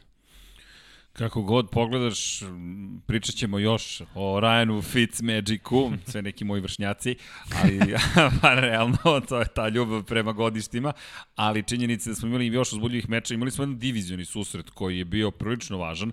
Los Angeles Ramsi otišli u Seattle 9-20 i kada pogledamo odbranu, tri seka, ali zaustavio bih se na, na jednom presečenom dodavanju. Ja bih se tu zaustavio i ne bih samo pričao o odbrani Sijetla, spomenuo bih onaj potez koji mislim da je bio kritičan Goffa, gde, gde Goff pušta ruku, ja ne znam tačno šta je Goff razmišljao u tom momentu, ali upućuje loptu gde nema nikoga, ja ne znam šta se tu tačno dogodilo, ali potpuno je neverovatna odluka da u tom trenutku, u, u, u presudnom momentu ti u jednoj utakmici gde se sve vodi na par poena, 9 naspram 20, ljudi, to je utakmica s malo poena, to je ono što smo očekivali. Dosta trčanja s jedne druge stvari, dosta. Seahawksi na kraju se baš i nisu toliko natrčali, na kraju je Russell u, u, u ključnom momentu bio precizan, ali mislim da to presečeno dodavanje ili poklonjena lopta Goffa presudila stvari. Jer u- da se, se nekako su se prebacivali, rvali su se za taj rezultat i jednom Goff kao da daje potpunu inicijativu Seattle Seahawksima. Ja bih samo rekao da po meni ovaj meč ima onako najozbiljniju kandidaturu da postane najružniji meč ikada. u Znam, narednih- prenosio sam ga. E, Ne samo ovaj meč, izvinjam se, ovo rivalstvo. A da, Ovi to da, dueli to da. koji nas očekuju ono, u narednim sezonama sa manje više sličnim ekipama, trenerski kao to, mislim da će se pretvoriti u ono bol za oči za gledanje. 9, 20, muka. Znači kad sam, kad sam, kad sam tražio brojke bitne, ovo je sve što smo mogli da izvučemo. Samo odbrane. Ništa. Znači, i to pritom odbrana Sjetla, već smo rekli, nije neka elitna odbrana. U poslednjih par nedelja igre, ok. Odbrana Remsa, dobro, ok. Ima tu mnogo talenta, mnogo dobrih igrača. Ali... Ljudi, zna, da li znate na pamet koliko su imali yardi trčanjem Seattle Seahawksi? Seattle Seahawksi. To znam sad. Koliko? 95. Ljudi, to je ceo tim je imao, Loše. jedan čovek je imao 69 yardi. I to je Carson mm. koji, koji 16 puta nosio loptu, ali ti imaš Wilsona za 9, Penija za 9, Hajda za 8 yardi, a stalno pričamo o tom trčanju koje bi Jeste. moralo da funkcioniše. Teško je proći kroz ovu Teško defensivnu liniju. teško je, Ne ide, to nije, nisu jedini. Nisu, Nisu jedini, ne, ne. I duel koji je puno značio, više značio Ramsima. Jer Seattle se bori za prvo mesto u NFC-u. Seattle osvoja ovu diviziju, to, to smo znali. Već je osvo, da, već je to završeno. Tako smo i, i pikovali. A, ali što se Ramsa tiče, oni sada, nakon ovog poraza, imaju jednu situaciju gde može se desiti da ne uđu u playoff. Može se desiti da, da i oni gledaju skauča. I sve to zbog nekih gluposti ove sezone ranije, mislim, poraz od Jetsa. Jedna loša serija, znaš, i ne može da izađeš iz poraza od Jetsa i da uđeš u utakmicu protiv Sjetla i da budeš to je to, znaš, ne verujem, ne, ne znam ko može da poveruje to. Ima ljudi koji su jaki u glavi, mogu da se ubede, to je to, sad ćemo mi da dobijemo mm -hmm. Seattle, ali ne znam, Da li ti Goff deluje sumnje tako? Mora, mora da, da, da, ma, Goff Meni- meni, nikad nije ni delovao. Da, ali- nije, ali Goff je jedan, znaš, Goff, Goff je jedan igrač. A pa znaš šta smo rekli na početku sezone kad su stavili Ramse kao poslednje? U- Ja sam bar rekao, verovatno i svi smo isto mislili, nema dovoljno talenta u napadu.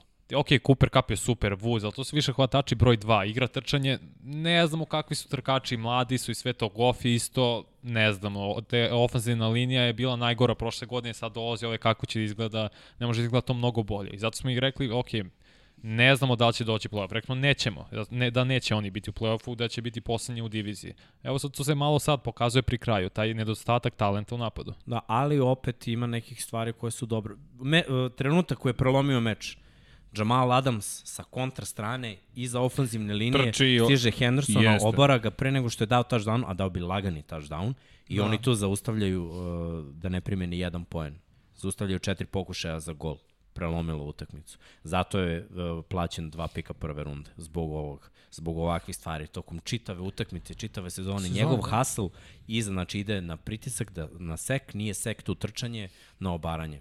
Jedan, jedini, čini mi se, u NFL-u safety ko- koji je ono, na nitru, on, nitro brzina, Da, da, da. on nestaje čovjek, ja ne, ne znam odakle mu energija, ali sve pohvale za njega. I broj sekova mogu bi da obori rekord svih vremena u istoriji NFL-a po broju sekova sa pozicije safety-a. Već nije.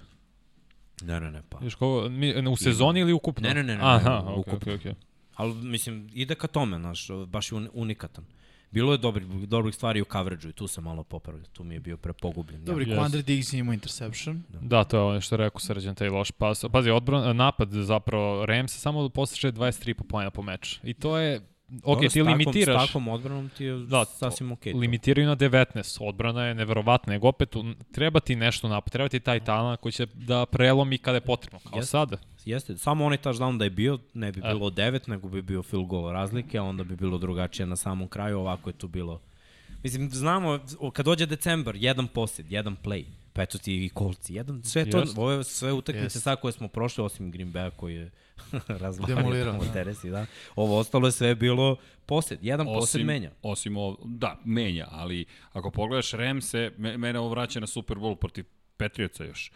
Kad je ključno, ovo što si ti Vanja rekao, opet nemaš napada. I da, Miksa lepo si rekao, s ovom odbranom ti suštinski ne bi bilo potrebno, ali moraš opet da postigneš više. To konstantno se ne dešava. Konstantno postoji tu neki problem. I lepo si rekao zadam se, to je bilo impresivno gledati ga kako trči i kojom brzinom to postiže i šta je učinio.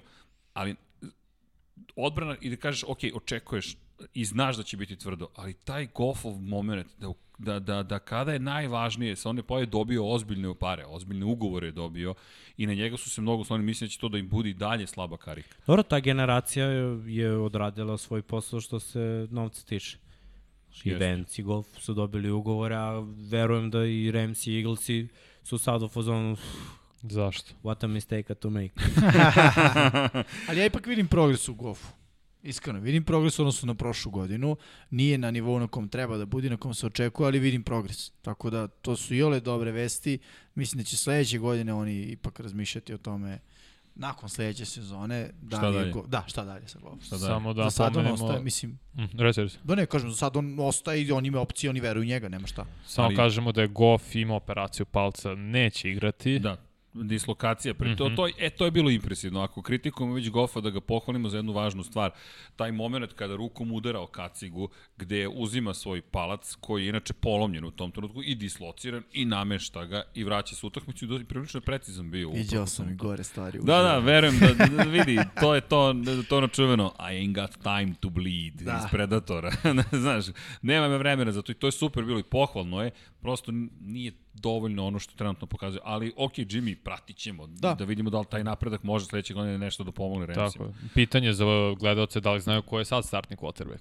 A bit će Black Bortles posle jedne četvrtine. Ali Blake. trenutno nije, da vidim da li će Da. moći da pogode. To je... Dobro, ok, ali eto, može, to pitanje za kraj. Nego idemo mi dalje i kada je reč još utakmica, a ova utakmica će nam biti sjajna najava za, za, za 17. nedelju, za poslednju nedelju. Međutim, ključni momenti Philadelphia et Dallas. Zna se ko ima reč u ovoj priči. Dobro Jimmy. duks, brate. Gle, da, to je poklon, to si prepustio na početku, to je poklon, da, koji sam dobio. Da, dobio si pitanje Ovaj. gde, odakle, gde je kupljen. E, ne znam, poklon su zube ne gleda, tako da nisam pitao, pitao okay. gde je kupljen, ovaj, znam da je kupljen preko interneta, ali ne znam, ne znam gde je. Saznaćem. Tako je. A, pa šta da kažem, jedna velika šansa za Filadelfiju je propala. Što se tiče ovog meča, Dallas apsolutno bolji. A, kogod je gledao meč, osim onih 14-3 kako je Filadelfija otvorila, posle toga su apsolutno nestali. Nakon toga oni 3 poena, Dallas 34 i uh, Dalton je imao jako dobar meč, ali ne toliko koliko Cooper i Galup koje smo izdvojili. Galup je maltretirao sekundari Filadelfije, konkretno Uh, Žak, Žaket, Jacket, Da, da, da. tako se, ne znam kako se čita prezime. Da, Jacket, okej. Okay. Uh, mislim, ja uvek ono, ne, ne volim da kritikujem ljudi koji su profesionalci, koji, koji žive od toga, jer kao ja sam ovde, oni su tamo, ali mislim, mora to mnogo bolje. Čovjek uopšte nije izgledao kao NFL cornerback, Izgledao je kao da je sasvim tu slučajno zalutao, kao da su ga pre utakmice pitali, e, momak, kad bi da uđeš možda malo da igraš, ono, loši smo, pa ajde, kao, šta igrate futbol? Pa, ajde, okej. Okay. Igra se malo kolač. Da, si igrao nekad, jesam, super, U, ajde, uskači, uskači. Tako je delovalo uh, i Galup, koji ga je prvo izmaltretirao i većinu ovih yardi preko njega uhvatio. E, onda su rekli, ok, šalji vamo ovoga uh, Sleja da ga pokriva. Onda je bilo, uh, ok, imamo i Coopera, onda je Cooper krenuo svoje maltretiranje i onda je bilo, vadi ovog čoveka, ono, man down, spašava ga, daj Milsa i onda je kao nešto to izgledalo i ole kako treba, ta odbrana je zaustavljala, ali već je bilo prekasno. Odbrana Dallas ima dobar trend, uh, iskoristili su to taj trend, da kažem, igranja dobro u, u prethodnih nekoliko uh, nedelja. A, sad su to samo nastavili. Jalen Hurts pod velikim pritiskom nakon tih, kažem, 14-3 i Dallas koji se vraća u igru i vraća i preokreće i vodi i ono, Dallas je na terenu 3-4 akcije, bam, touchdown, vraća se Fila opet. Tu su se sada videli baš svi problemi koji ima ofanzivna linija pre svega i koliko Hurts uh, zapravo je prerano bačen u, u vatru, nije, nije, nije uh. trebao da bude. Ne mislim tako. Pa, Ne mislim tako jer mislim da, da rezultat nije, nije pravi odlik utakmice. Jer ovaj, radio sam utakmicu i pazi, prva stvar, dođeš do, mislim da, da su Dagija malo pojele emocije u, u pojedinim trenucima. Pa baš je, prvo su jednom bili na 35 yardi. nekoliko puta su bili u Tako je. 30 ili unutra. Ne, ne, i mislim, gubiš touchdown razlike, što ne šutneš field goal. Ne ideš na četvrti za 20. Si nije četvrti za 10 ili četvrti za 5, nego za 2. Koji koncept, koncept ruta imaš za 20 yardi? Znači ti mora da baciš nešto 20 yardi. Koje rute su 20? Znači to je sve vertikalno. Dig je na 15 do 18, znači i to je kraće od toga što ti treba. Mm. Nemaš za ni četvrti za za to. 20 imaš ono post, Hail Mary, ne nešto što ide vertikalno, post corner, bilo šta što ide preko 25 da bacaš loptu, ali opet odbrana to zna i, i tamo je. I stiže pritisak. Tako je. Niko neće da te čeka šest dana da ti kao, e, evo sad ću ja da bacim. To je bila prva greška. Druga greška, mislim da su sudije ozbiljnu grešku napravile za onaj fumble. Iskreno, Istina. koleno je bilo na, na Jest. zemlji dok je lopta bila u ruci. Hiljadu Jest, puta sam vidio kada je bio challenge da to nije. I, mislim, to, to su dve situacije gde, ajde da kažeš, potencijalno si imao neke poene. I onda kada to propustiš i Dallas uzme loptu kao što Jimmy kaže, mislim, Jim Schwartz, to je to u Fili što je on odradio kao defanzivni koordinator. I ono što je pisao da je Damarazu da mu donese GPS da pomogne malo sekundariju da se pronađe tamo, to džaba, to tek može sledeće godine. Ovo sramota bila. Stvarno, ko što kažeš, ko su ulice da su došli da se skupe da igraju. Ali Čovek baci digio i ovaj strči 60 yardi touchdown. Mislim, Ma, ajde dig, slant. Ono, slantovima su i pocepali, bre, Mari Cooper i... Ajde, Galup malo duže rute, ali Cooper je baš ono... pazi, ti si rekao da su ti hvatači samo neki ljudi, bunch of people, prošle nelje. Al Za? Dallas? Da, da. Al, pa, Pa, red, Da, da, slažem se, ja to i dalje mislim, ja ne mislim da su oni ne znam kako, ja volim CD Lamba, realno, Cooper, to smo pričamo već, da kažem, godinama, on čovjek ima utakmice kad nestane, kad se ne pojavi, to nije bilo u nedelju. A Galup je dobar talent, ali ono, isto ima dane. Gledaj, ovaj secondary file je od Tysona Hilla napravio quarterback od 300 yardi i 2-3 touchdowna. Zato sam i mislio da će od ovih hvatača... Andy, Andy Dalton je, da, ja sam očekivao više od odbrane file. Mm -hmm. Moment kad je Fletcher Cox izašao i kad je nestao pritisak Sve iz sredine Presudno. defanzivne linije, to je bio kraj za Filadelfiju. Čim sam ga vidio bez shoulder pada na sideline-u, znao sam da Fila nema šta da traži sa ovim sekundarijom. Jer ovaj secondary treba im da quarterback protivnički baci loptu za sekund dve. Toliko oni imaju da čuvaju, sekund dva. Ako se za to vreme ono, konsoliduju, to je okej. Okay. Bez Fletchera Coxa, to 5 sekundi quarterback mm. i oni secondary file. Bukvalno je bio vatromet na Pazi, ljudi zabor, uh, zaboravljaju. Dalton je bio Pro Bowl igrač, Pro Bowl quarterback. Ok, Cincinnati je bio do, mnogo dobra ekipa, tada imao je super igrače, ali Dalton ok, odradio svoj posao, imao u prvih pet sezona 10 pobjeda minimalno. Ali sada, da ja bih pohvalio odbranu Dallasa, koji poslednjih 10, uh, poslednjih tri meča ima 10 oduzetih lopti. Protiv, protiv- loših ekipa. Protiv buljaša. Jest, Ni, jest. nisu ni loše ekipe, nego taj termin. Da. Da. te, te, ovo, je baš teško bilo. Ne, Ovo je jesu baš loše bilo- ekipe. Samo ću da spazi, samo kažem, 600 yardi trčanjem u dve utakmice protiv Clevelanda i Baltimore. Kraj priče. Apsolutno. Ja, ja stvarno se izvinjam. I zaista, ja, meni, ja uživam u ovoj diskusiji vašoj, ali pričate o odbranama. Ja se zaista izvinjam, mislim da je vreme da pogledate pravu odbranu koja je na sledećem na redu. Ja mislim da je vreme da pogledate pravu odbranu. 4 jarde po akciji smo dozvolili Cleveland Brownsima. New York Jetsi nismo, nismo najavili ovu utakmicu kao meč nedelje, ali 16 naspram 23. Ljudi, po, Jetsi, odbrana Jetsa je, da, bilo je problema, nije bilo wide receivera koje očekuješ u Cleveland Brownsima, ali bez obzira na sve to, kad pogledaš Chubb 28 yardi, Hunt 11 yardi i Mayfield 45 za 6. Cleveland, da. Da, Ovo mi- samo Cleveland sebi može da priredi. da, da, i, i to protiv Jetsa. Pazi, da, moja novo, novo formirana ljubav prema Jetsima, ali hajmo sada ozbiljno. 3-0 je bilo na početku. Ko baca za touchdown? 43 jarde. Crowder na tri akciju baca za touchdown. Jetsi su ekipa, ona sada najgore koja može da se Ma da. desi. Inače, prva u istoriji koja je uspela da bez pobede do prvog triumfa za, pobedi dva puta za redom timove koji imaju po devet pobeda više od nje. Dakle, devet pobeda više su imali Ramsi kada su ih Jetsi pobedili, devet pobeda više su imali Brownsi kada su ih Jetsi pobedili. Ali ta igra, ti da Crowderu daš loptu da on baci za 43 jarde i zaista mislim su da, da je to vrlo teško. Jetsi su ozbiljno odigrali odbranu. Koje su- Ali lepo si rekao, i Brownsi koji sebi to znaju da uče. Koje su boje Jetsi? Koje su boje? Zelene. Grinch. Ej, tražio sam zelenu, nisam to, stigao da je to nađem. je. Hteo sam da je nosim Grinch, spoil To je to. the Christmas. Možda je zaista pokvario. Od 2002. Brownsi nisu ušli u play-off.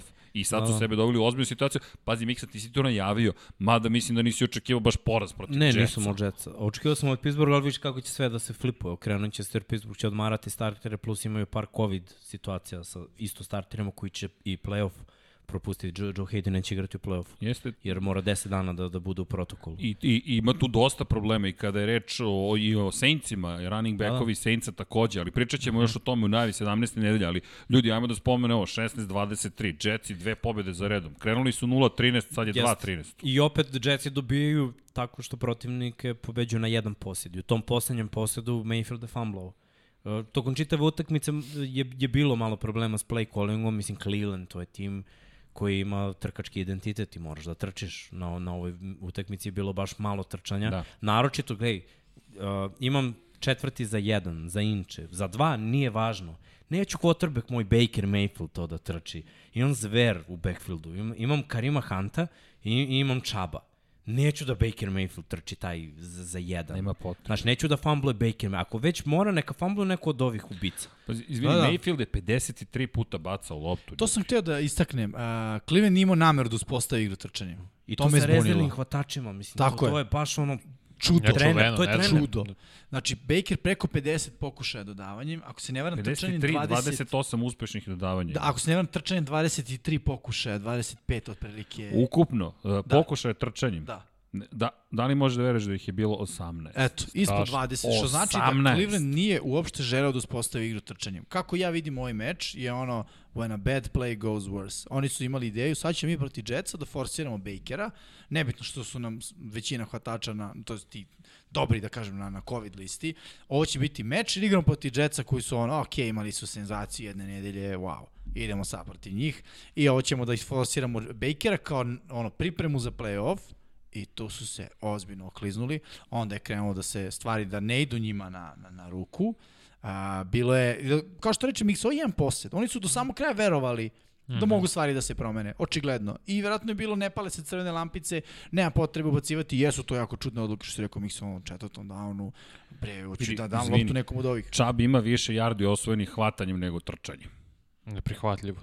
38 jardi hvatanjem, 28 imaš trčanjem. Ovo nije odbrana, ovo je samo neko moje rezonovanje. Ne, ne, rezonovanje zašto i kako. Ok, igramo protiv Jetsa koji su loš tim, hajde da probamo u nekom najgorem scenariju, ako usput se bude desilo da moramo isključivo da se oslonimo na neke akcije koje ćemo da probamo sa igračima koji se nazovu Jarvis Ali Landry. nije vreme za to Tako bilo. je, ne, ne, da nije Da, da. vreme, ne, ne, nego baš je trebalo da bude 50 pokušaja trčanja i mm -hmm. 18 dodavanja, ta, tako su trebali da odigraju. Što mene opet dovodi do, do one priče, jeste Mayfield u zoni, jeste sve, ali verujte ljudi, svi ovi mladi quarterbackovi nisu oni izuzev Mahomesa. Nisu oni za, za ovo 50 pokušaja dodavanja. Nema toga. To, to više, futbol je evoluirao u, u smeru da bude dodavanje, ali u isto vreme evoluirao u smeru da, da bude Dosta balans, zavisi da od trčanja. trčanje. Da, da, dosta dodavanja zavisi od dosta play actiona i dobrih trčanja. Naročito kad imaš dobre bekove. Jer redko ih imaš, redko koji tim ima da ih plati i da ih dobije u tim ruki sezonama na ruki ugovoru, mm -hmm. te, te prve 3-4. A oni su dobili jednog takvog i dobili su drugog, ono, redemption running backa koji je umalo završio karijeru i sad bi igrao za on, Ništa. Kikiriki. Da. da, da, za kesicu. Pazi, Baker je bio u zoni zbog te igre trčanja, da se razume. Ali pa Jetsi, jeste svi sa i šalimo njihov račun i sve to, Jets su mogli realno dobiju 4-5 utakmice ove godine. Jesu, Računamo stoji. Patriote, Raiders je ono katastrofa i računamo i protiv Chargers isto. Realno su ekipa koja može 4-5, možda 6 pobjeda već sad protiv njih Pa pa dobro, opet, ajde. ali nisu toliko loši kao što smo mi postavili jer je tako izgledalo. Ti isti očeni Jetsi su i prehodne sezone nanizali neke pobede. na tako kraju da. sezoni. Mislim, Da. da. vidjet ćemo, vidjet ćemo sledeće godine. Tokom ove utakmice se još se desilo još neke zanimljive stvari, ali Vanja, pričat ćemo još o tome. Ti si, ti si predložio ove nedelje da spomenemo jednog mm Mhm, -hmm, igrača mhm. Jetsa, ako sam ja dobro zapamtio. Jes, jes. Ok, samo da zna. Jetsi su postali popularni, vidjet ćete kasnije u najavama rezultata. Ovo mi deluje kao da se Kiti tućim perjem. Čovjek promenio četiri tima, igra 20 godine, kao ajde, ići ću u Jetsi. Naš je. Ej, vidi, nije kako počneš, već da. kako završiš. o, odlično, odlično. Idemo mi dalje, rezultati 16. kola, sve uz ovu fantastičnu kravatu. Čisto da spomenemo, Vikings Saints 33-52. Samo da spomenem. Ok, dok je na tome se završilo. Pazi, ovako, idemo, imamo po, reč, po rečenicu, ono. Po rečenicu, Da. koja je rečenica reč. ovde? Kamera, Vikings? kamera šest taždana. Šteta što smo... Peyton ga uskratio za rekord. Da, sedmi, mogo je baš i da mu da. Bukvalno kaže, ej, ajmo da zapišemo ovo ne za sva vremena, ali za dogledno vreme da bude zapisano. I sledeći rezultat je sličan, 47-7 Baxi protiv Lionsa. Pa, Evo, daću vam jednu anegdotu iz kabine. Bukvalno sam morao da šamaram Srke da ne zaspio tokom utakmice. Jer posle nekih četvrtinu i po je već bio ono koji, "O, šta je ovo? Ako treba da ostane jedna rečenici, no, Detroit se raspao. Brady savršen. Mislim, to je idealno. Da, odigrali su, pa dobro, bila im je trenažna utakmica. Toliko nam je bre pala koncentracija, nismo primetili da Brady ne igra više. Da, Brady je se primetio da ni ti ni ja nismo broj shvatili 11 ili da- 12 i ono kao, čekaj bre, ovo je 11 ili 12. Počinje drugo polovreme, Brady je bacio još jedan touchdown i gledalci se javljaju na hashtagu SKNFL, momci. To Ovo nije je Tom Brady. I kao. Gabbert igra već neko vreme. Ali dovoljno govori da je 40-0 je bilo, ako se dobro sećamo u jednom trenutku. I da, da, da. da li dobro, Ne, da znaš, treba potisnuti neka sećanja. neke stvari, ali teško je utisnu se. No, 49ers i Cardinalsi. Iznenađenje. Kako Surprise, kome? surprise. Ja ću da namestim moju kravatu. Pa pazi, Cardinals se prave velike probleme sami. Kardinalne Kardinalne, to, to, to, to uvek se kod njih to namesti. Ali ovaj, ono što, što je za njih i dalje dobro jeste da Chicago igra protiv Green Bay-a, uh, da imaju posljednju šansu protiv, Protiv. Znači, oni opet drže sudbinu u svojim rukama, još uvek. Da, još uvek. Nije, nije ništa lako. Sad ono što, što je problem i što ja stalno napominjem u svih ovih mobilnih quarterbackova, velika razlika da li si mobilni quarterback sa 1,75 m ili sa 1,90 m. Jer uh, sad će taktike, poučeni već posljednje dve utakmice protiv Mareja, ako ne možeš da ga stigneš, da ga sekuješ, digni ruke. Jer kad igrač od 2 metra digne ruke, to je 2,40 minimum, 2,50 a ako je, znači minimum. Još ako je skočan. Pričamo o ljudima ko, koji imaju malo veći raspon ruku. Da, da.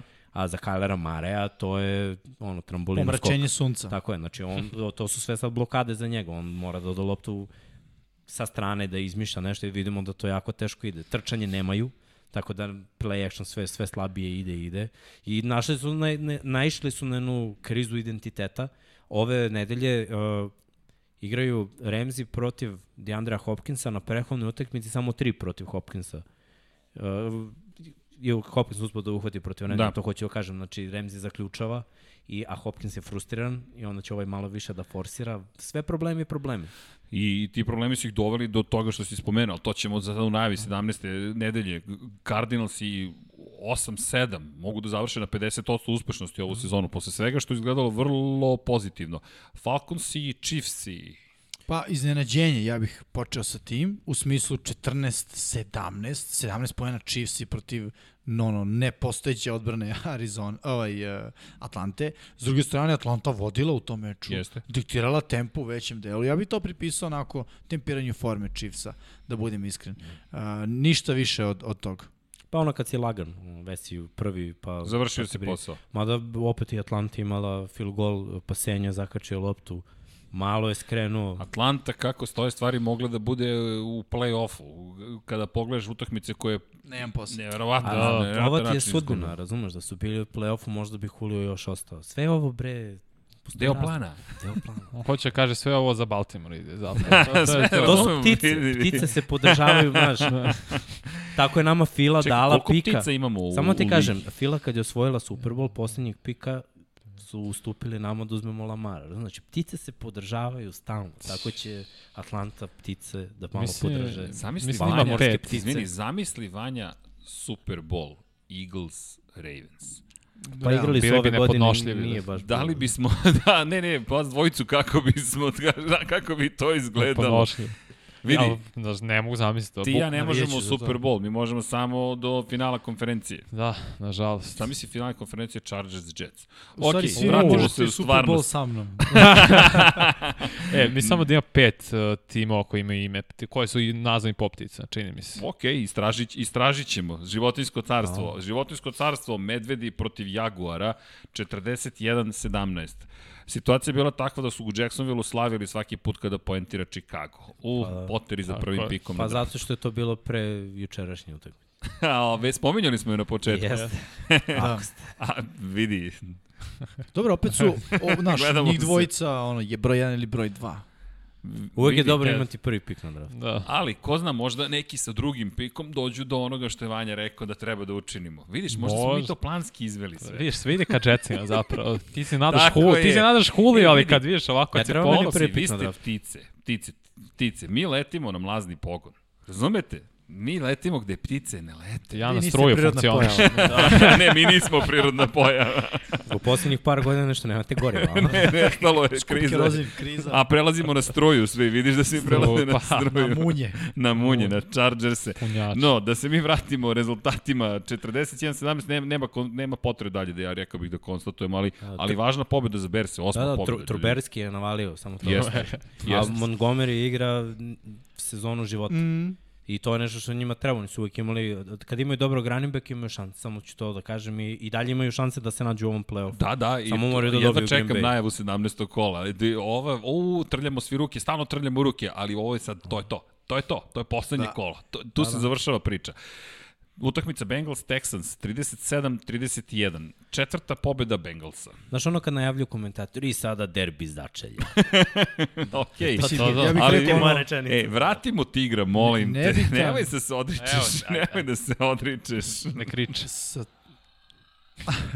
sa tog aspekta nebitan meč, ali ja bih rekao iznenađenje. Nisam baš očekivao da će Bengalsi, mislim da budem iskren, eto, to sam izabrao, sam morao da izaberem nekog. Mm Mhm. -hmm. Inače, kao meč potpuno za preskakanje, ono. Houston Jeste. se raspada, Bengalsi, ne znam sa, šta, kako da nazovemo ovo sad. Pa- meni, se, meni se sviđao je Brandon Allen, ima srce, baš ima srce. I lepo odigrao ovu utakmicu. Jeste. Nije igrao protiv Steelersa je- jer je bio povređen, ali na ovoj utakmici odigrao i lepo je znati da, da kad kreneš od početka da gradiš tim, izabereš, pogodiš, baš pogodiš jer se vidi kad je Burrow u igri i kad nije. Tu pogodiš mlade hvatače, ponovo pogodiš svakim čas da oni uvek pronađu. Mm -hmm. Evo Higgins ubija kako Kao igra. Boyd, takođe odlično. Stalno pogađaju tu, imaju do, dobar backfield, znači pojačaju liniju skrimidža, to im je ono broj 1, to mora Apsolutno. da se desi. I imaju i rezervnog kvotrbeka koji je sasvim pristojan. Jeste. Iz, iz, iza Burrow, znači može da ga odmeni. S te strane, Bengalsi su radili super posao. Četvrta pobjeda, ljudi. Vrlo jedna lepa sezona i mogu da Oni su tek svi imali- navijaju za Bengalse. E, znaš ko navija? E, morat ćemo da, da, da organizujemo i goste. Dejan Potkonjak, naš dragi prijatelj i kolega iz Lab 76, ničim izazovno kad je video tigra, kaže, čekaj, moji Cincinnati Bengalsi, rekao, ok, imamo autentično Wow. navijača Cincinnati, poštujemo, to, to, je, to je lepo čuti. Ima, zaš, ima, ima razloga da bude optimističan. Cincinnati zabeleže pobedu, Giantsi, Ravensi, 13-27. Čekio. Baš čak ni rezultat mislim da ne govori dovoljno. Da, ovaj, bilo je s pola Kontrolisano. gasa. S pola gasa. Bukvalno kontrolisano. E, Prva dva napada, to to što pričam sad kad Baltimore i eksperimenti su, i slušao sam Romana da priča da su eksperimentisali na početku ove godine, jer su odbrane a, izbacivale persona, personel i izbacivale su neke coverage na, na koje nisu mogli da se snađu ali kao što se sve kao što sve biva sve se provali vremenom i ti posle nekih 6 7 utakmica više ne možeš da izmisliš nešto ne ne, ne možeš da ubaciš 12 igrača nego vidiš prilagodiš se i onda pronađeš i bez 2 3 tight enda fullbacka način da trčiš uh, protiv takvih odbrana Giantsi su ušli u ovaj meč kao jedan od najboljih odbrana na trčanju 250 uh, yardi. Tri running backa sa 80 plus yardi trčanja. Mislim i Lamar, računam i njega. Da. Da. Koji bi mogao da bude prvi kada sa dva puta po hiljadu trčanjem, a nije opet igrao jednu utakmicu. Tako da trče, ako Baltimore trče, Ali-. Baltimore je opasan tim. Isto i Cleveland ako trče, ali i Tennessee. Ako ne trče, to je to. Opet će biti ono, jedna utakmica u play-offu i doviđenja. Mora se trči. impresivna, ali očekivano impresivna pobjeda. Jednostavno stavili ste do znanja, ok ljudi, mi radimo ono što je neophodno da mi je, uradimo da. i to je to. Giantsi pokušali, nisu mogli. Ali znaš što je najgore? Što su Giantsi živi i dalje. Da, ali da. to ćemo posle. Fascinantno je da, da imaju šansu i dalje da uđu u play-off. Poslednja utakmica, to jest nije, imamo ih još. Panthersi protiv futbolskog tima. Uh, ja bih rekao za neke iznenađenje, ja sam tipao baš na Karolinu. Uh, prosto kada ne igra Alex Smith, to smo mi ja rekli, stvarno Washington nije konkurentna ekipa. Kada igra Alex Smith, oni su po meni uh, ozbiljna ekipa i ove nedelje će igrati, to je ono što je Igraće. dobra vest. A ako pričamo konkretno o ovom meču, uh, Karolina nije uopšte toliko loša ekipa. Mislim, oni su isto imali mečeve gde su ili počinjali dobro pa su se onda raspali ili su gubili na posed. Uh, tako da meni to ovo nije uopšte bilo iznenađenje, za mene je ovo potpuno, potpuno očekivano. Uh, ono što se u Washingtonu isto desilo nakon ovog meča, pošto je Haskins, mislim, izgubio je Washington, kao što ti Srđan već rekao, otpustili su ga, ali ja sam i pre meča rekao, ok, zadržat će Haskinsa samo za ovaj, me, za ovaj meč, jer nema i koga. Da, ja sam mislio da neće. Bo mislim, ono, Henike igra 10 puta bolje od Haskinsa. Da. Iskreno, zato sam mislio da, da je to to, da, da disciplinski postupak, šalju ga u striptease bar, pa neka tamo, mislim, uči. katastrofa. Ali pa on, ne znam kako sad to lepo kaže, nije on bio na kraju dovoljno zreo da bude lice franšize. To, je- kako to je teško, da ali ne. Ćemo, ne, ne, ali- ćemo o kako molim mogu, Nemojte mogu da zaboraviti da imamo još nekih mi rubrika Da, da. spremnih Da, da. Za, za, za današnju priču. Istina. Doći ćemo do Dwayna Tako je, Haskinsa. Imamo mi još ovde nekih utakmica. Broncos i Chargers i Vanja. Pobeda. Je. Pobjeda. Pobjeda. E, šest pobjeda, šta ćeš? To I? je, I? i, i rekord, naravno. Tako je, rekord Herberta. čekao. rekord Herberta, najviše bačenih touchdown dodavanja sa 28 kao ruki. Vola bi dođe do 30, to je neko lepo kad se zaokruži sve, da to bude novi rekord, ali ok, pobjeda je pobjeda. Allen nije igrao, neće igrati ni sledeće nedelje. To je sad ove. Dobro, sad je već safe mode. Da, Što je. da, da rizikuješ da ti se povrede Mislim, zvezde. je sad na COVID listi Allen. Ma da, ne, nebitno je, znaš, Mhm. bukvalno je nebitno. Pusti sledeća sezona i to je to. Da. Tako. je. I imali smo stampedo, bukvalno, u New Englandu. Pregazili su, bukvalno, Patriote 38 naspram 9. Ovo kada je osveta za sve što se dešavalo i dešavalo. Uh, da, i posle one prve pobede uh, između ove dve ekipe kad su Billsi pobedili, koja je bila prilično onako nesigurna, uh, ova je bila baš onako, to je to Surova. više, sad smo vas pregazili, to je ono kao kada mlađi brat prvi put Uh, ajde, neću, neću da budem... Čekaj, si ti mlađi ili Yes. stari ja sam brat? mlađi brat. Ja sam napravim paralelu. To je ono kao kada mlađi brat prvi put digne u teretani više od starijeg. To je to. Brzi, ako Hvala gledaš ti, ovo, da. Hvala ti za sve, ali kad sam Ali- ali... prešišao, ono, ipak sam ja 17 godina igrao, on tipa 8.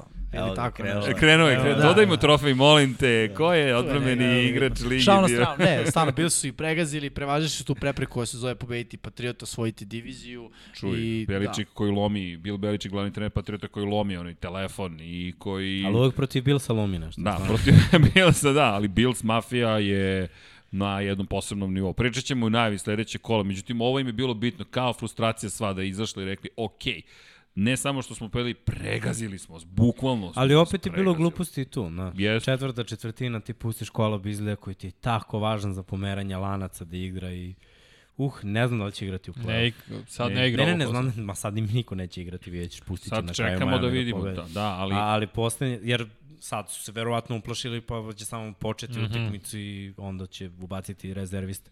To je jako bitan igrač. Jeste. I ideš, ideš u play-off gde, gde ono nisi igrao dugo. Samo mi dodaš jednu stvar za to, izvini Srki, a to je da je Cam Newton ovim zapečati svoju NFL karijeru, ja mislim. Da, imali smo i ta pitanja šta je bilo sa Cam Newton, on je meni bio tragičar pre dve ili tri nedelje, mislim da je već tada bilo jasno da je, da je to, da je, da je, da je to kraj, jednostavno. Ma znaš kako je počela utakmica? Ja sam radio, počela utakmica s Janim Plekšom i njegovim dodavanjem za 40 yardi pravo u šake. I kroz šake lopta pogodi dečka u kacigu i ode u aut. Šta ja da kažem Kemu? Sam misli da si trener, šta da mu kažeš? Bravo, sjajno dodavanje. I tu, tu se sve prelomi. I tu šutneš trojku, znaš, umesto da daš touchdown, ne možeš bili si mora da daješ touchdown. Posle toga još dva, tri ispuštena dodavanja, onda njegovi oni podboče i to na, ima najgoru motoriku od svih, ja ne znam šta mu je s motorikom. Stidam je to imao više pokušaja na ovoj utakmici nego Newton. Ne, pa u jednom trenutku je postalo onako, ajde vidimo šta imamo od ovo drugo, ali se respekt za bilo što ono. Newton je starter, pa on startuje, makar je bio najgori na svetu. Mislim, Ali mislim da će kulturno završiti prostu sezonu sa Kemom i... Da, i ne samo Hoće. sezonu, vraća se Kem. Vraća se Kem, jer Kem ne može gore od ovoga. Misliš da će se vratiti, da, je to to? Da, da. Okej. Da, da. Kem je sad spreman da, da igra za kikiriki, što kaže Jim. Ali da li je to Pikantni dovoljno? kikiriki. Pikantni kikiriki. Ha, mora, mora će nam bude dovoljno. Ali mora će... ne za njega, da li je dovoljno za ekipu? Ne, moraju da draftuju no, mladog potrebe. Čekaj, samo pitam, Miksa, misliš da ostaje u Englandu ili da ostaje u NFL? Pa ne, gledaj, svi su oduševljeni njegovim pristupom i radnom etikom. Što da ne, ako dovedeš već mladog klinca, on može da mu pomogne u tranziciji. Čak i da ga katuješ pred sezonu. Što ja mislim da će se da Što se ne bi desi. bilo da. trening kamp da uče, da se takmiče, Da. da. stvoriš konkurenciju. Pazi, taj klinac koji dolazi, on je danas u NFL-u prvi put na trening kampu, a gleda bivšeg MVP-a. Znaš, opet, on superman čovjek. Kem i dalje zvezda, stvarao uvijek će nešto, biti zvezda. Stvarao nešto, bez obzira što igra očeno, mo može da pomogne ekipi koja je trenutno u ono, stanju očaja. Ali tih 38-9 nas dovodi do poslednjeg rezultata ove nedelje, to jest nedelje broj 16. Nismo još završili sa nedeljom broj 16. Idemo na naš nastavak priča. Bills i konstatovali smo 38-9. Idemo dalje. Kada govorimo o onome što, što, što, što, što su nam heroji, tragičari, džokeri, to je isto onaj moment koji i tekako volimo. Ćemo da pričamo o, o herojima. Ajmo. Heroj nedelje. Evo mogu ja da Montgomery. krenem. David Montgomery koji je i ovde bio blizu 100 yardi. Opet vidimo 20 plus nošenja. U posljednjih pet nedelja 20 plus, noš, plus nošenja u posljednjih pet nedelja touchdown. Kada imaš trčanje i, Trubirski, i Trubirski može izgleda kao Truberski. Truberski ti. Da, Truberski, da. Vidimo u, u glavi mi, da. I iskreno i ova hvatanja, sad se uključuje i tako, uh, nekako se pravi pravi identitet Chicago koji je bio nekada. Kako su oni došli u Super Bowl da igraju protiv uh, Indianapolis Coltsa one godine, to je napad bio grozan, ono je Da, da, da. bilo jadno za gledanje. Ali sjajna odbrana i dobro trčanje. I uđuše ljudi u Super Bowl, ni krivi ni dužni. E sad, istim receptom mogu uđu u playoff, sad je malo druga priča, drugi futbol, pa ne mogu daleko od Super Bowl, ali ovo je super, ovo je super. Ovo izgleda mnogo bolje, ovo izgleda kao onaj tim koji je bio 5-1. Vidi, pričao si, ti si prvi rekao, kada je bilo 5-1, bit, će 5-5 ljudi. Sećam se, to Što je bilo to pričali i, i, i znalo se da će se to desiti, nekako je bilo viđeno, sad je to tim koji, eto, ima još uvek šansu. Ima još uvek šansu, kao što govoriš. Ljudi, je 17. kolo će doneti to, upravo taj odgovor. Negi je mnogo, uh, Negi je mnogo ispao pametan što je propustio play calling. No, mnogo se vidi napredak u napadu ka- kada on ne mora da razmišlja o svemu. Kao da se previše trudio. Znaš kada neko ono trudi mnogo, sad ću ovo, sad doću ovo i ništa ne bude dobro. Ono, toliko sve ti sve hoćeš i sve bude katastrofa. Jasno. Ovo je bilo Svi imamo ta iskustva. Kada pokušavamo toliko mnogo stvari i onda tanjiri počnu da ispadaju, onda se svi slome. Svi se slome. I onda si mogao da držiš dva umesto tri, e ta tri su polomljena, a dva imaš u ruci. handlaš i personality, znaš, ko će, šta će, da li ovog gotiviš više ili manje. ćemo. Lagano, mislim, ti si trener, stavi čoveka i daj nekom da pozove Ali ovaj akciju momak onda može da tako. bude heroj, kao što si rekao, i u budućnosti. Ali. Ali idemo dalje. Jimmy, Ben da. Roethlisberger. Big Ben, velike brojke, veliki Ben. Uh, odličan meč za njega, ali ono što je, već smo to rekli, da je stvarno bio perfektan u drugom polovremenu. Uh, imao je dobar i, i passer rating, 109 nije fantastičan, ali je, da kažem, prilično dobar. Ali ono što je najbitnije, to je poslednja stavka koju smo izdvojili. Predvodio je preokret i već smo to rekli. On je bio razlog zašto su Steelersi pobedili. Zapravo, Big Ben je razlog zašto su Steelersi sada ovde gde jesu. I kad igraju dobro, Big Ben je razlog, kad igraju loše, Big Ben je razlog. Jer on je trenutno ceo Pittsburgh Steelers tim i tu nema šta. Ove nedelje imao fantastično drugo poluvreme ko što je Miksa rekao, a, promešao su karte. Ja pretpostavljam da je to i njegovih, da kažem, ruku delo. Kad je pustio ruku, kad je pronašao a, hvatača za ono dugačko davanje, mislim da je Johnson Johnsona, bio u pitanju. Da. da a, to je prosto bio onako, Big Ben nam je pokazao što ti reče Srke u jednom trenutku da je to onaj stari Ben.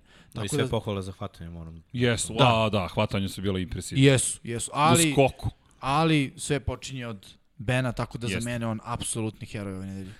Vanja, Ovo je trajno Klasik. upisano. Ja mislim da možemo oh. lepo u, da, da, da, da ovu grafiku za, zakucamo. Lokt! Pa ne možeš, da. prethodne nedelje je bio katastrofa. Jeste, jest. I, I rekli smo, mi smo pa prognozirali da će Green Bay pa da... čekaj, pa ne, ne, ne, ne, ne, ne može Aaron Rodgers da igra dve loše utakmice. To smo rekli odmah da. na tom sledećem podcastu. Ovo je bilo više na kontu našeg početka podcasta gde smo pričali o Rodgersu, ljubavi prema Rodgersu. Jeste, to niste ispred, nema veze. Rodgers mislim, odigrao MVP, sva, kao MVP odigrao, opet imao četiri touchdowna, samo 21-25, samo četiri nekompletno dodavanja. Jedan toga je bila presečena lopta, to je da, u četvrt. kompletirao, no, super. Da, da, da, što se rekla, kao Malcolm Butleru, 128 je bio passer rating, on predvodi ligu i dalje passer ratingom, ima dobru šansu da obori svoj rekord za sezonu. Prvi u QBR-u, 44 dodavanja imao je sezone, samo 5 presečenih, stvarno to brutalne brojke i ide, mislim, glavni sad je broj 1 favorit za MVP-a, znako što je Mahomes odigrao relativno loše protiv Atlante.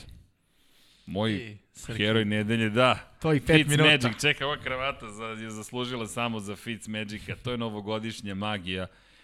Za Fitzmagica moramo to bučemo kao na konferenciji za štampu koju je uzeo od Deshona Jacksona. Ali čekaj, ima da mi se savije kičma, znaš, ipak imamo setljiv vrat.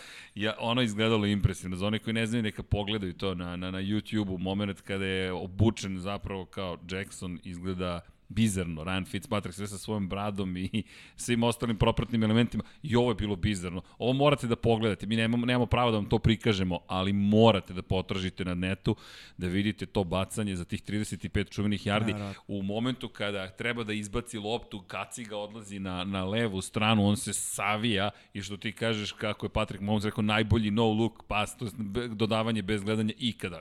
Ovde je glava, on baca, I to je za 35 yardi i plus 15 yardi kazne za to čupanje kičme i oni dolaze u priliku da, da, da zabeleže pobedu. 26-25 na kraju.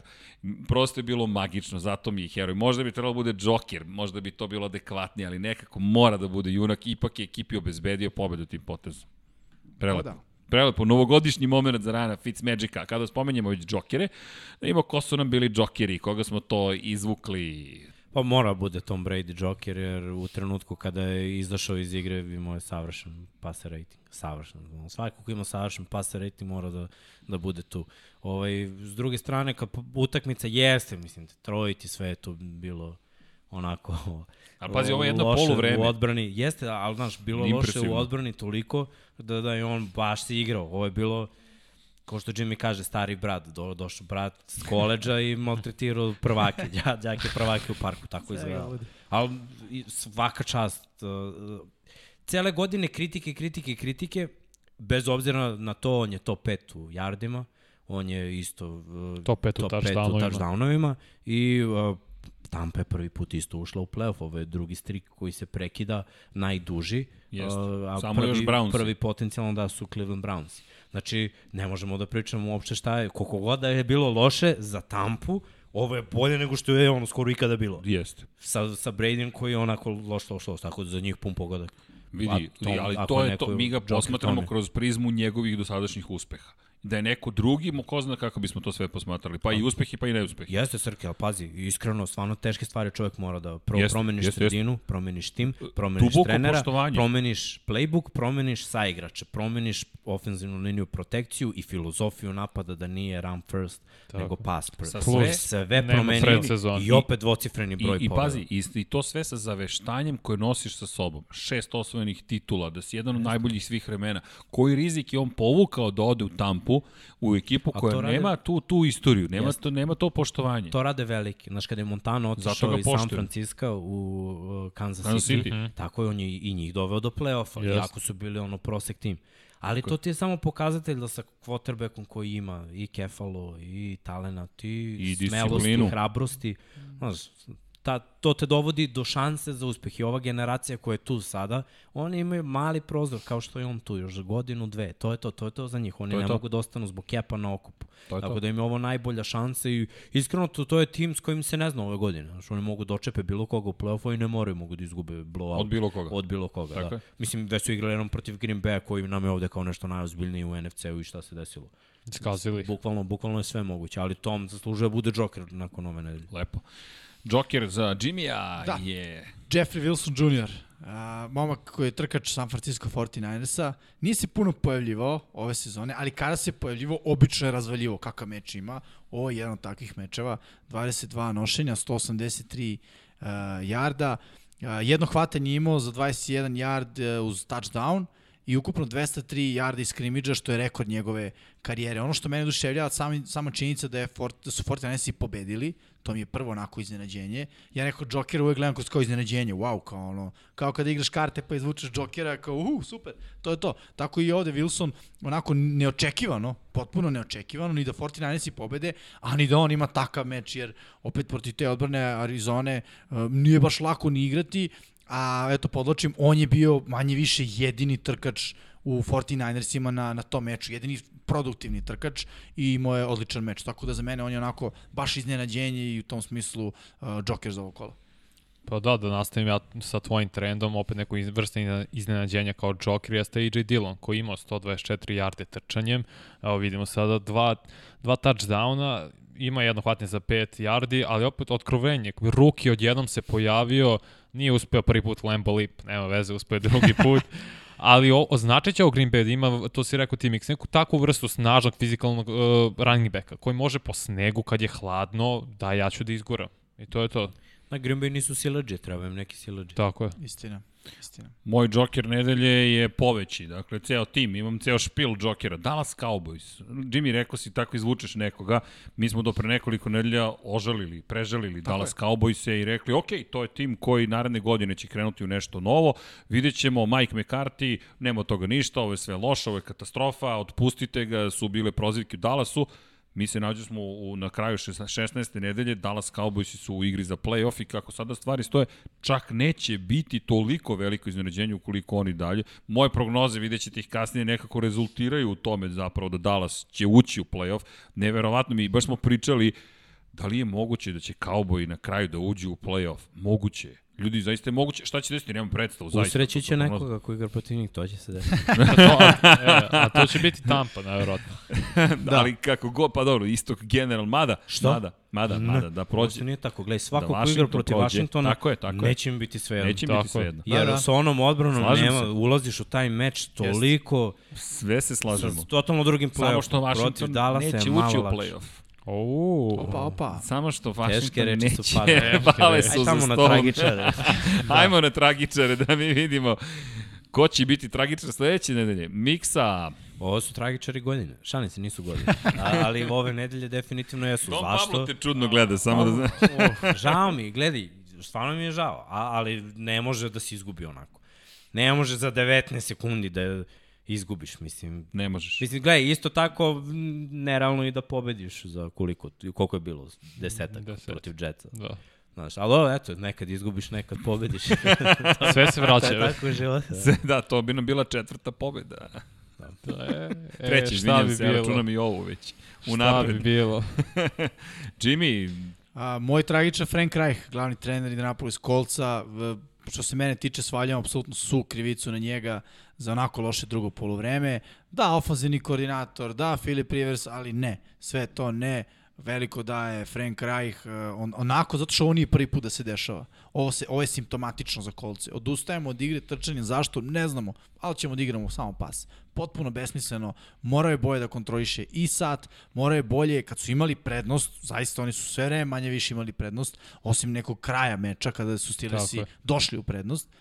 I morao je, morao je bolje, morao je više da koristi svoje trkače E, ja ne znam ako se njemu ne sviđa Taylor, ono, pošalji ga u filu, ne, ne.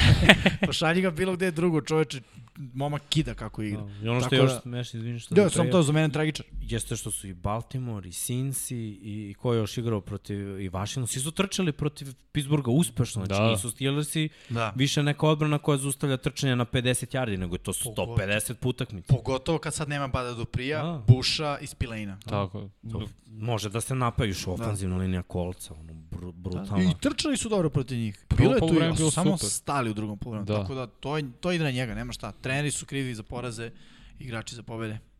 Taj pazi, ja ću da se nadovežem opet, meni je tragičan Rivers. Nije, zašto nije završio meč? Jeste Rajh kriz, zbog toga vidimo 21 od 34, loš procent, 270 yardi, ok, jedan touchdown, jedna presečena, samo 84,2 pass rating, do, pet, pet puta je sekund. To je do neke ofenzivne linije, a opet, on je kriv za fumble. Gledaj, Da, to što je on sekao nije samo ofanzivna linija, nego i play calling. Jes, Znači, ne, takvi da, da. koncepti ruta koji su tu i nepokretni rivers. Mislim, kada doveš Kotarveka koji se kreće Srkijev, kako ide bez džeta, koliko, dva na sat.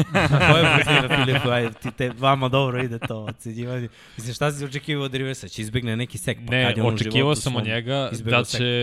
Da izvuče ovaj meč. Radio je to i pre na kraju. O, znači, se, seća se ovog play callinga za baš prvi touchdown Taylor gde je promenio sve, ok, video odbranu da su i očekivali pas, on je promenio, bam, touchdown. Očekivao sam da će pri, da privede meč kraju.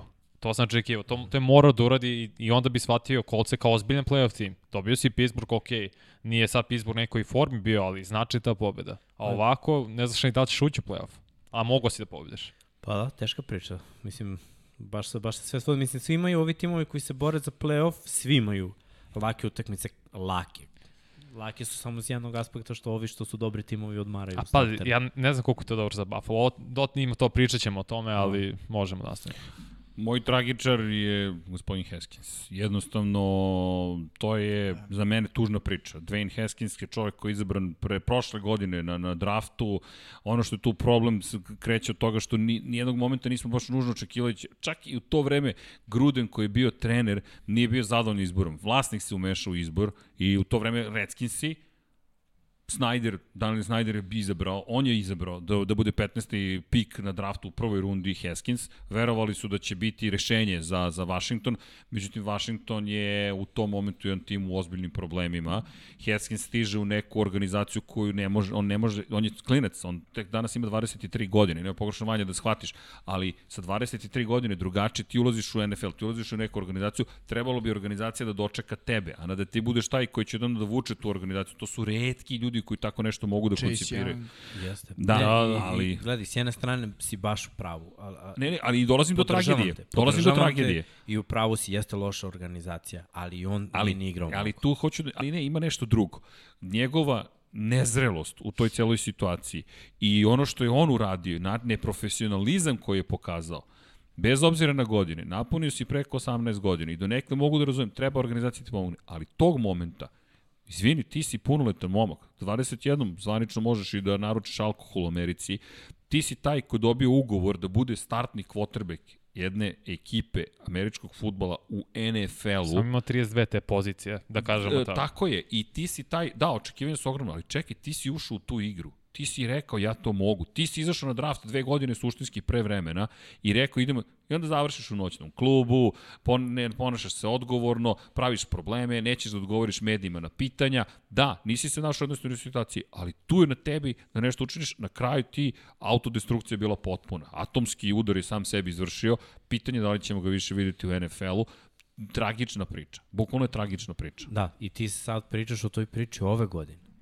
On se sliko selfie prethodne godine Jeste. na kraju Da, da, da. utakmice treba da uđe da odradi kneel down akciju. On sa publikom, dečko bleji i, Jeste. lupa selfije.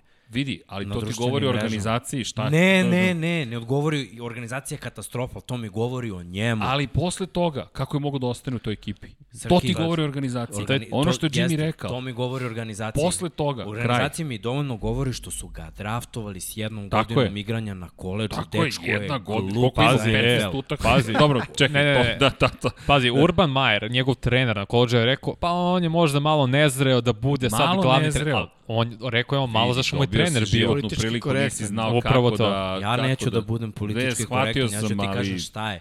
Dečko ne razume igru koju igra na najvišem nivou, a izabran Čak u prvoj pitanje, rundi. a, na koju igru misliš, na američki, Američki futbol? Američki futbol.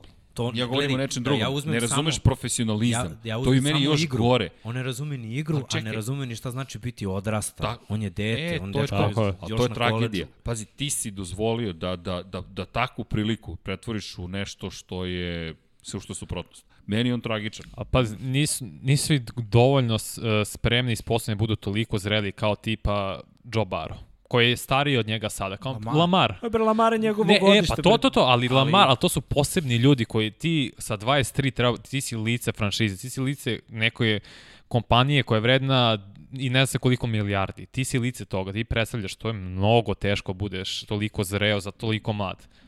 Pa, ne kažem da je on... Sve je to okej, ali to je ta, znaš što je meni to tragedija? Kad dobiješ priliku, možeš pogledaš u gledalo i kažeš čekaj, šta se ovde zbiva? Ja, da, šta, šta ja ovde radim? Imam, imaš ovu priliku i ko zna oko njega ko je sve bio, ali meni je tragedija upravo to. jednostavno, Jeste. to se pamtit ćemo Heskinsa kao nekog ko je Ali došao i samo da dodam, nekoliko timova već pita za, Has, za Haskins.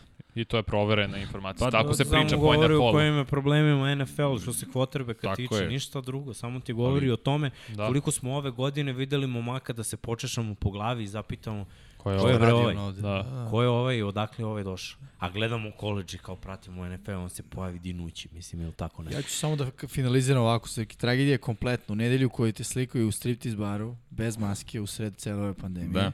Imaš 36,9 quarterback rating, imaš dva interseptiona, 50% uspešnosti dodavanja i dobiješ otkaz. Tako je. Mislim da je to I- najgora nedelja u istoriji čovečanstva. Ostaneš bez menadžera. Aj bre, menjate čovek od Kraj. 30 kusur godina s trećinom noge.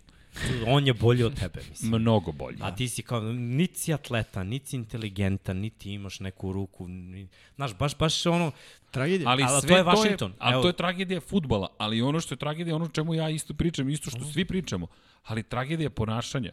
Jeste. No, da. idemo dalje. Dwayne Haskins, nažalost, je Adio. istorija. Gospodje, ste ga vi tako vaspitali? to iz Ali- kuće poveo. ali ono što je istorija pred nama jeste playoff koji nas čeka. I da A- pogledamo i AFC A prvo i NFC.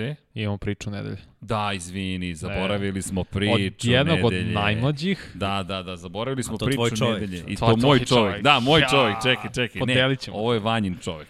Ne, ovo je čovjek NFL-a, stvarno, od jednog od najmlađih ka jednom od najstarijih igrača. 16. sezona, pričamo o Frank Goru, sada running back u Jetsa, bio running back i, evo sad ću pročitam, 49ers. 49ersa, Coltsa, Majamija, čak i Buffalo. Buffalo, Jetsa. skoro svi, Jetsa sada, skoro svi sa AFC istog, ali njegova priča, on je sad zaokružio nakon ovom meču 16.000 yardi trčanja. To je prosto nevjerojatno. Ima tačno 100 touchdownova. Sve ukupno trčanje, hvatanje, jedno čak i return. On je bio član jedne od najboljih college ekipe ikada, 2001. Miami Hurricanes, ali i i žao mi je što neće igrati poslednji meč. Ima skoro 4000 yardi i hvatanje, to bi ga zaokružilo na 20.000, što je posebna stvarno gru, grupa ljudi, ali nevjerovatno, evo, pričamo o Haskinsu koliko je nezar, koliko je veliki profesionalac Gor zapravo da on i dalje sa 37 trenira punom parom, igra, ne propušta skoro mečeve. Tužan je način na koji će da završiti verovatno karijeru, tako što neće ovdje igrati poslednji meč. Ali stvarno veoma Ja impresivan. nisam siguran da će on završiti karijeru. Da, to je sada da. pitanje. Frank Gore je u jednom trenutku spomenuo da bi volao da igra u isto vreme sa svojim sinom u Da, koja je na je, koleđu sada. Druga godina na koleđu. Da. Uh, prvo ili Ili druga, nisam, se, Ja nisam mislim da je- siguran. da je prvo ili sophomore. drugo. Ali Sad ćemo vidjeti. U svakom slučaju, da, sledeće godine najranije bi mogao da dođe na draft. Ali- bi mogao. Gledao sam dokumentarac o, o Goru, on ne planira. Ni on ni Peterson. On Da, da, onako oni- ruku pod ruku. Peterson je peti na listi svih vremena, a Frank Gore je treći. Da, planiraju oni jo- još malo da, da odože. Sad ono što je lepo Freshman. za ovu sezonu, on je završio sezonu touchdownom. Jeste. Ovu. Tako Da. da, u ekipi, Ali- Ali... ekipa ga ispoštovala da ne bude on sa first ballot Hall of Fame karijerom u timu koji ima nula pobjeda Ali, u ovoj i, sezoni. I to, između ostalog, ali pazi ovo, 653 jarde tačno je istrčao. To je tačno da dođeš do 16.000 jardi u karijeri. Meni je to fenomenalno. Pazi, to ne možeš ni da izrežiraš, 653 jarde. U sezoni. Da. To po, u sezoni ovoj Da. i da dođe do 16.000 i tog stotog da za touchdown. Znaš, to su neke fenomenalne priče. Da, ja sam romantičarska duša Pa, i sve je okej. bi Ali nije zaista fenomenalno. Ti imaš Emita Smitha i Voltera Paytona iz ispred njega po broju pretrčanih yardi u karijeri. Tako. Pazi, to su Smith i Peyton. Da, da. Hall of Famer, jedan od najboljih Vidi, ikada. to je više od Hall of Famera, to je Legenda. istorija, to Da. je legenda, ti si kultna ličnost, 16.000 yardi si ti pretrčao s loptom u NFL-u i, i, i to tačno u yard u ovom trenutku. Naravno, ako nastavi karijeru kao što se može desiti, Nadam se. Ali ovo, i ovo je jedna karijera totalno suprotno njegove karijere na koleđu. Jako je bio član te sjajne ekipe, on Mhm. se na koleđu povređivao svake godine. I bilo je uh, veliko poverenje ukazano njemu od strane San Francisco da ga draftuju da mu daju šansu. I on je u San Francisco pet godina za redom predvodio ligu po broju trčanja od 20 plus yardi. Stvarno je bio onaj running back koji prođe prvu liniju, drugu liniju i onda nastavi. Bio je ono neuhvatljiv, zato ima devet uh, sezona preko yardi. 1000 yardi. Tako je. Tako je. To je de- decenija u kojoj ti po sezoni trčiš preko Da, 1000 Ali yardi. igra svake godine. To je ono što hoću da kažem. Ta Jeste. razlika od koleđa. On je jedan od uh, running backova koji je bio dostupan svaki put u svakoj sezoni za bilo koji tim Pa za koji igrao. minimalan broj utakmica koje odigrao jeste 11 u jednoj sezoni.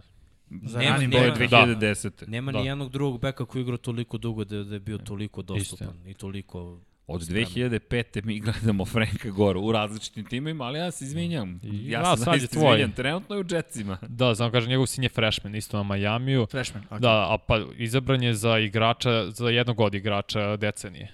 Tim decenije, o, ove decenije, to je prethodne 2010-ih. Pet puta pro bowl igrač, stvarno je Frank Gore pravi uzor. E, ovakav uzor treba Haskinsu. Ugledaj se novog, kako je on, Ja, kako... Vanja imao je Petersona koji je isti taj. Isto, eto. Nema ta, za takve klince bez mozga ne postoji uzor. Nije, njemu niko ne može da To je bude žalostno. Mik se baš oštar. Pa nisam Ne. oštar, nego sam realan. To je takvo ime, razumeš, čitavo uređenje države je tako da imaš, imaš ljude koji su uh, na jednu stranu i ljude koji su na drugu stranu. O, Haskins je klasičan primer, znači uh, Johnny Manziel.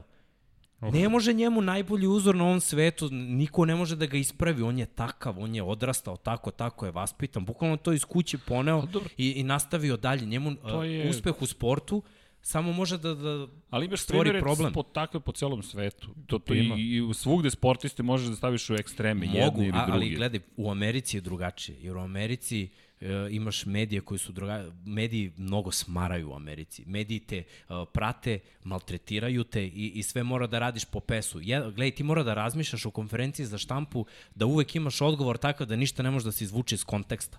Sve politički Nije, korektno, gledaj, što bi lako se je kad si rekao. inteligentan.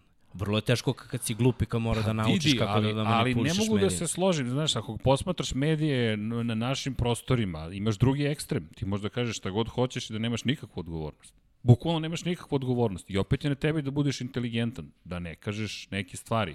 Uh, to, zato ti kažem, znaš, nije to samo, ne bih svrstao samo na, na uređenje ili samo na medije i iz jednog ekstrema ideš u drugi, gde možda kažeš šta da uvrediš bilo koga, da izre, izrekneš bilo šta i kao, ma sve to okej. Nije okej. Verovatno je neka zlatna sredina Srki, rešenje. Srki, dečko Ali- ali... nije izašao na, medijski, na, na, na, da medijima bilo šta da kaže i izbačen je iz tima. Je razumeš? Da, razumem, ali tako, To, to se samo u Americi dešava. Ali meni to se više dopada nego da možeš da kažeš Ti- ti... šta god želiš ili da tretiraš novinare na način na koji su tretirani. I to ti je velika razlika. Društvo će stati iza medija. A ne, ja mogu da ti kažem šta god hoću jer te neću da ti ispoštujem kao novinara. Ne, ne, ne, ne, ne, ne. Ovde mora da postoji profesionalni odnos. Ja radim svoj posao. Ti nisi moj posao ispoštovao. A mediji te su ti koji su veoma važni. Takođe, mediji moraju da imaju odgovornost. Ako mediji lažu, čekaj, čekaj, krivično gonje, idemo na sud za, za, za klevetu. To, takav odnos mora da postoji. Jer u suprotnom dođeš u situaciju da ti dođeš na konferenciju za medije i neko kaže, neću samo ni da razgovaram. A nećeš. A koja je reperkusija? Pa ne postoji. E onda izađeš sa ovih prostora, odiš u neku drugu ligu i neko ti kaže kako si ti to zamislio da ne odgovaraš novinarima. Pa videli ti to smo, zamislio? videli smo Linča, on je bio kažnjen svaki put kad nije hteo da odgovara i Da. na kraju je bilo to je reč, njegov reč. statement i vidi, možeš ti da se buniš, ali ne možeš da ne poštuješ. Jedni druge moramo da poštujemo. Ako si ti sebi dao za pravo da potpišeš ugovor, kao što ti lepo kažeš, čekaj, to su multimilionski ugovori. To je takođe odnos prema medijima, ima još jednu tu stvar. Odnos medija svakako prema tebi i dolazimo do show biznisa. Čekaj, ako sam ja kao CBS ili bilo ko drugi platio preko milijardu dolara godišnje za prava prenošenja i ti si rešio sad svoje 23 godine kažeš, tja, to su vaši problemi. Okej, ti ugrožavaš sada veći biznis. E, kažem ti, ekstremi, ali mora da se poštoje. Ako sam ja došao kao novinar na tu konferenciju za medije i ti sebi daš za pravo, e danas nisam raspoložen. Jel to daje za meni pravo sutra, kažem, nisam raspoložen danas da napišem tekst o vama. Razumeš? To, to, to je, ja više težim tome, nego tome, pa, baš nas briga kako se tretiramo. Ali to su samo razlike u pogledima. To je moj pogled na stvari, jer, nažalost, doživio sam i situaciju da ti, otprilike, treba neko ti preti, pa sad ko je jači na konferenciji za medije? Wow! Razumeš? To je ono što, što, što zna da bude ekstrem, ali sad odosmo i u neki Da, da, da, Frank Gore ništa. Frank Gore, ne, ne, ali dobro, to je, to je podcast, to je diskusija. Ali. Frank Gore, predivna priča, ja sam uvijek romantičan, vi znate da sam ja. Još sam Frank Gore first ballot Hall of Fame. Jeste, Jeste. To- to je jeste. to. I Vanja, hvala za priču. Nije pričao ova nedeljom, pričao. Mada, Miksa, Dve raznežio si me prošle nedelje, ti ćeš ove nedelje. Za, Taman. za playoff plačem. Šalu na stranu, idemo mi na playoff. Chiefsi, Billsi, Steelersi i Titansi, to su trenutno vodeći u divizijama. Wild card, Dolphins, Ravens, Browns i imamo Colts koji su takozvani in the hunt. Napeto. Napeto, ali čekajte, čekajte, molim vas, Don Vrati. Pablo, Don Pablo je odmah skočio. Čekajte, ovde će biti, samo da zapamtimo ovu sliku. Da, Da, zapamtimo ovu, ovu situaciju. Ovde je samo da ispravimo, je- da, Browns i 10. Pa Imamo pet ekipa koji imaju 10 pobjeda. Da, Brownsi, ne, nekako, nekako smo ostali bez desete pobede za Brownse. Ju, ju, ju. A izgubio sa Jetsa, pa... A pa min- im oduzeli, pa smo im jedan, oduzeli da. još jedan. Pa pazi, pričat ćemo o tome. Ali svako pet ekipa imaju šansu za četiri playoff mesta. Jedan će sigurno da ispane sad koje će Imamo trenutno ovde Coltsi. Lego glavu koja će U, dati da. odgovor na pitanje. Zapravo imamo šest timova koji imaju šansu da, da uđu u play-off kada govorimo o nacionalnoj futbolskoj konferenciji. Mhm. U američkoj futbolskoj konferenciji imamo pet timova i tu su timovi. Možemo Don Pablo taj kadar da vidimo. Šta smo vam pripremili Ja za sam danas? loto devojka. Kaciga će da kaže. Kaciga će da kaže. Imamo Brownse, imamo, mo, mo, evo, ne znam da li se vidi, možemo Brownsa i odavde, dakle, e, hvala, Don Pablo, dakle, imamo kacigu Brownsa, imamo kacigu Ravensa, imamo kacigu Titansa, imamo kacige, još koga? Kolca i Dolphinsa, ubacit ćemo ih ovde Bubanj. u bubanj. Hoćemo sada odmah da se poigramo. Pa može, ajde, ajde, izvucite jedan, neka kaciga kaže ko ne ide dalje zapravo. Ovi ne koji izvučemo idu dalje. Pazi, ne, nemoj da gledaš Miksa, Šta? Ko- Koju kacigu izvlačiš? Šta pa Jimmy izvukao, brate? Ja Ne, sam ne, izvukao jednu. Ne, ti izvlačiš sam- jednu, jedan ne ide dalje. Ne, ne, ova ne. Ova ne ide. Njemu ovo ne ide. Eto. Loto devojke odbija donose da sreću, ali ja nisam. a Jel to neki jinx i Šta? se plašiš Kako urok? Jinx, brate? Ajde, ajde. Ko ide u playoff. Ajde, ne, pa, pa Ajde. izvučite Ovo Ovo je, kolega. ovo je, slu, ovo je slučajnost. Pazi kako je pogledao. Dolphinsi. Vanja jedini ne gleda. Ja znam ko ne ide. Pazi, ako ovo Baltimore je izvukao da ide dalje, živ si, ajmo. živ si. Znači, po I Brownsi. našem, što Po nije našem- nerealno. Tennessee će ostati... Tennessee, Kratak. Lego glava kaže da Tennessee ne ide dalje. Hoćemo da ubacimo NFC kada pogledamo NFC. Ajde. Da, možemo da posle vidimo ćemo i da damo samo- naše prognoze. Ovo smo se malo našali, ipak su novogodišnji praznici. Tako, evo sad NFC vidimo Green Bay prvi. S- Sad trenutno su Saintsi drugi 11-4 kao i Seattle koji je treći, isto ima 11-4, pričali smo sve tri ekipe koje su prve, druge, treće imaju šansu da završe prvi. Futbolski tim ima Tako šest je. pobedi, devet poraza i Muški dalje u šest. igri. Uh, Tampa ima 10-5, mislim da su Ona je oni... obezbedila prolaz. Da, obezbedili su, mislim da su čak i obezbedili peto. Čini mi se da su ako Ramsi dobiju oni pet. Ramsi su trenutno 6 sa 9, 6 Chicago je sada u play-offu. Sa I 8-7. Cardinals i jure Da. taj ulaz, ali nisu samo još oni u igri. Nisu. Treba dodati u celu priču New York Giants i Dallas Cowboys. I kad smo već kod toga, hoćemo, sad imamo krug od pet komada, da imamo ko će šta da izvuče. Ja ne gledam. Sam... Ti reče da Dallas ide dalje, opa. Dobro, malo ćemo teško, ako su Dallas, onda dve tu ispadaju iz cele priče, ali ajde da ćemo vidimo. Ti si izvukao Giants, Ništa. teško. Je- Ne, to moraš da izbaciš, pošto Jimmy već... Evo, izbacio Evo, sam. i- izbacujemo i Pa dobro, ostale su još, još dve. još to je To je to. to. Chicago ide dalje. Dakle, Arizona takođe ne ide. Uuu, pa tako je.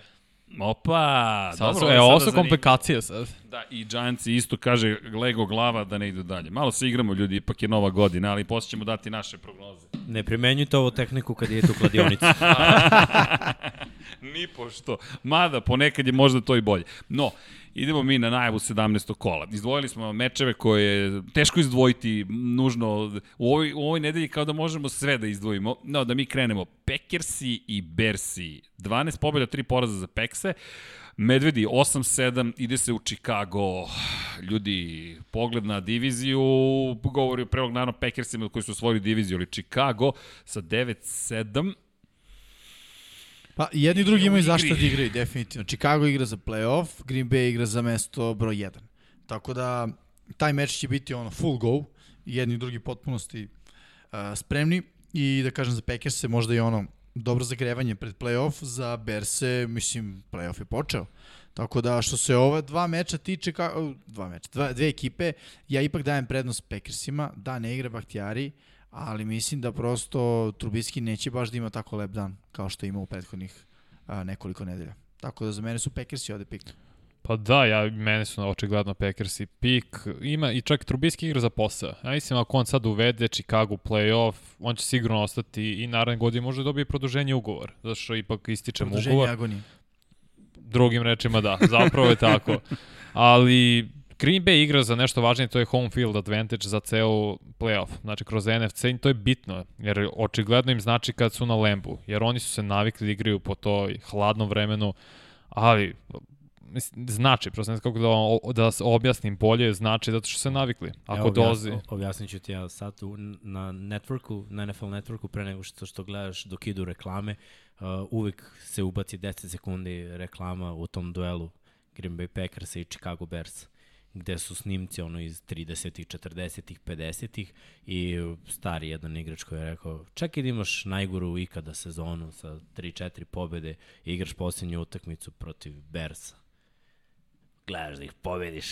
to je to, ono, pa to je to, mrziš I isto, s druge strane, ono, puste ono, Green Bay isto nekog igrača koji, da, ono, to mora se pobedi. To je ono rivalstvo gde, gde mrziš bre, mrziš, ne, nećeš da pobedi, nećeš da uđe. Znači, ako imaš moć da Chicago ne uđe u playoff, ima da pobediš, znači, i da imaš već obezbeđeni seed broj 1, Chicago da ne ode u playoff. Kom, znaš, ono, kom To je san. krala. to, to je pa, pa bukvalno jesi to. sećati, jeste gledali Vesela 70. seriju? Da, Ne.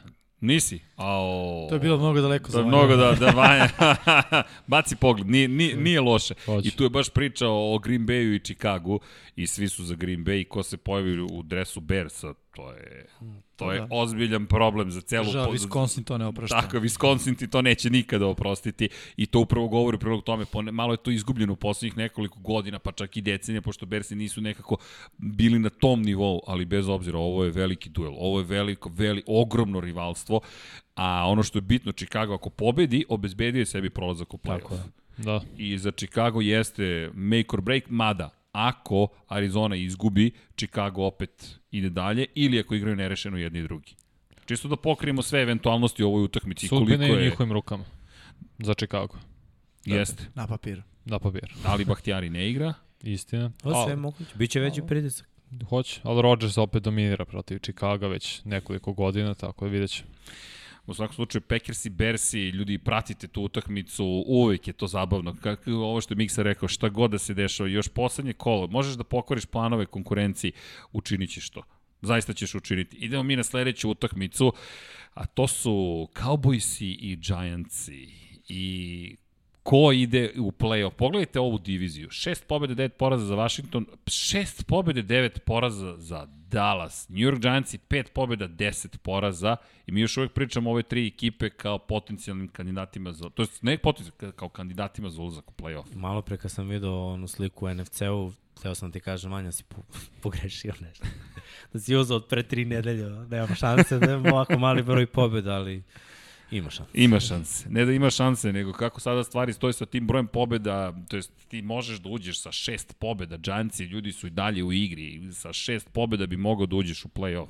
Da, ukoliko Giantsi pobede uh, Dallas, a Washington izgubi od Philadelphia, Giants idu u playoff. Da. To je ono što je vrlo interesantno. Skočili bi sa mesta broj 3 na mesto broj 1, otišli u playoff. Ja mislim da se to desiti neće. Same. Uh, mislim da će Cowboysi da se i ovde vrlo onako lagano prošetaju, jer uh, možemo da povučemo neke paralele u odnosu na meč protiv Eaglesa. Uh, Giants imaju problem isto kad igramo, kad govorimo o, o igri uh, kroz vazduh, pritisak Cowboysa, rekli smo odbrana već igra dobro, mislim da će stizati na sve strane. E sada, ako se desi Giantsima, ono što se Philly desilo, Philly je Fletcher Cox bio povređen, ako Giantsi budu pretrpeli u odbrani još neke dodatne ovaj, zapravo ako pretrpe neke povrede ili neke izmene, onda su Giantsi potpuno out tog meča i bit će rezultat kao protiv File. U suprotnom, očekujem interesantan meč, ali mislim da će Cowboysi postići prosto više pojena od Giantsa, da će Giantsi ostati na nekih 10, recimo, i to je pa to. Da, pa da, Daniel Jones je igra povređena, to moramo da stavimo. Jeste, mada u prvoj utakmici nije baš bilo sve na stranu Dallasa. Mislim, jeste, oni su sad u nekom kao boljem nizu i sve to stoji. Momentum je drugi. A, ali da. odbrana Giantsa je mnogo bolje od svega što su Cowboysi videli skoro. Yes. Jeste. Ali ima nešto, Giantsi nisu dobili Dallas već 7 meča za redom od 2016. I to znači, pogotovo kad je sad rivalitet divizijski. Ljudi, kako god da pogledate, neko ko ima negativni rezultat, to je manje pobjeda od poraza će ući u play-off. I ovo je i utakmica koja bi mogla da bude istorijska utakmica. Bez obzira što su Giantsima male šanse, ko sme da kaže u 17. nedelji da neće imati tim sa 6 pobjeda i 10 poraza da će otići u play-off? Pa- Samo Sve je moguće. just saying. Da. Just Da. saying. To Mislim, ovde, ni 7-9 nije ništa bolja, ali ono, ali Lepše 6-10 izgleda, je istorijski. lepše izgleda kad imaš manje od 10 poraza. Da. To je jednocifreno, to je okej. Svakako lepše izgleda, lepše izgleda. ali opet meni taj koncept 6-10, mada i dalje verujem da će Pa da, Dallas da rekli uđe. smo da Dallas da će ući pre, možda na sredini sezona, da što zbog rasporeda. Da što su imali najlakši raspored na kraju. Ja nisam tako rekao. Da. Ja sam dalje ovaj. Ja sam Ja bio siguran da ja sam Ja bio siguran da će Dallas da budu da neće ima šanse da uđe. Sad sve se promenilo. No, Cowboys i Giantsi opet ulazak potencijalni u play-off i za jedne i za druge. Idemo mi dalje. Utakmica broj 3. Steelers i Browns i još jednu diviziju. Sve su divizijuni meče. Steelers i Browns i Ljudi, Steelers i Browns i pogled na diviziju. Steelers i 12 pobjeda, 3 poraza, u diviziji 4-1, Ravens i 10-5 na poziciji broj 2, 3 pobjede, 2 poraza u diviziji, Cleveland Browns i 10 pobjeda, 5 poraza, 2 pobjede i 3 poraza u diviziji i postoji šansa da sve tri ekipe iz ove, to jest ove tri ekipe iz divizije Steelers i Ravens i Browns odu u play-off. Da, ne bi bilo neverovatno. E sad, šta treba reći o ovoj utekmici? Za Steelers se prvo Hayden ne igra, Big Ben ne igra, igraće Mason Rudolph. Mason Rudolph u kombinaciji sa Milesom Garrettom obično znači zvonjeva u glavi. Ovo, tako da ono, to je dugo koje ću ja da gledam na ovoj utekmici. Cleveland sad ima sudbinu u rukama, a Pittsburgh onako kao stari brat, ovo što je Jimmy pričao, mlađi stari. Sad ovo nije baš onako mlađi brat je došao i nadjačao starijeg, već je stariji rekao Ja ne mogu da te gledam više. Ajde sa mnom, ajde sa mnom, vidiš sa mnom u grad. To je to, playoff Ali, aj grad. budemo realni, da su zdravi Steelersi i da je sve idealno u Pittsburghu. Da li bi dozvolili sebi u poslednjoj nedelji slično Packersima i Bearsima? Mislim, Packers i Bearsi su odigrali 201 utakmicu do sada. Ja, moj utisak da, da se Steelersi samo čuvaju štede za playoff. Inače bi gledali na sa, svaki mogući način da pregaze Brownse i da im ne dozvole da uđu u playoff ako se oni pitaju. To je Pa moj gledaj, utisak. iskreno, mislim da im više leže Brownsi u play-offu nego što im leže Coltsi. Sad, naravno, ne verujem u sportsku, u sportsku kalkulaciju, ali opet ono što je pametno za Pittsburgh, posljednjih četiri nedelje, povrede, povrede, povrede, stiglo ih je sve. Za, to I, je to. I, I sada moraš da odmaraš. I ako već moraš da odmaraš, znaš, ta- tako je, igrao si lagano na početku, nanizao si pobedi, imao si najlakši raspored ikada na startu. Iskoristi ga. I došlo je par utakmica gde, gde si ono, platio danak i sad se spremaš za nešto novo. Šta bi bilo kad bi bilo, sada su ovi zdravi da ovi nisu, šta bi bilo da je Clevelandu igrao prvi tim protiv Jetsa, mislim da su imali jednog krštenog hvatača, a ne momke sa practice squada. Nećemo da ulazimo u to šta bi bilo kad bi bilo, nego da samo se fokusiramo na ovaj meč. U ovom meču Steelersi su oslabljeni, ovo su Steelersi iz prehodne sezone, Jesu. Steelersi koji nisu playoff tim, a Brownsi ove godine igraju kao playoff tim. Pa, Imali su i oni posrtanje, ali to je jedan neiskusan tim s novim trenerom i videli smo kad god Baker baca, to sam već rekao pet puta, 35 uh, plus puta Baker da baci loptu, Cleveland ne može da dobije tu utakmicu. Znači, stvarno je Ne, neverovatno. Čabi Hunt, to, je, ti, to ti, je, to ti igra. Da. Hayward, Pouncy i Watt isto ne idu. to ti Isto ono, odmaraju kao Ben, Edmunds i Boswell. I Boswell, znači i Kikir. Tako je, znači, mlađani Browns, ajmo jako do play-offa. Brownsi, samo bih napomenuo još jednu stvar. Ukoliko pobede, idu u playoff. Ali ukoliko izgube, Indianapolis mora da izgubi da bi ušli u playoff. Ima tu još kombinacije da Tennessee izgubi, Miami pobedi ili igra nerešeno, Baltimore da pobedi ili igra nerešeno.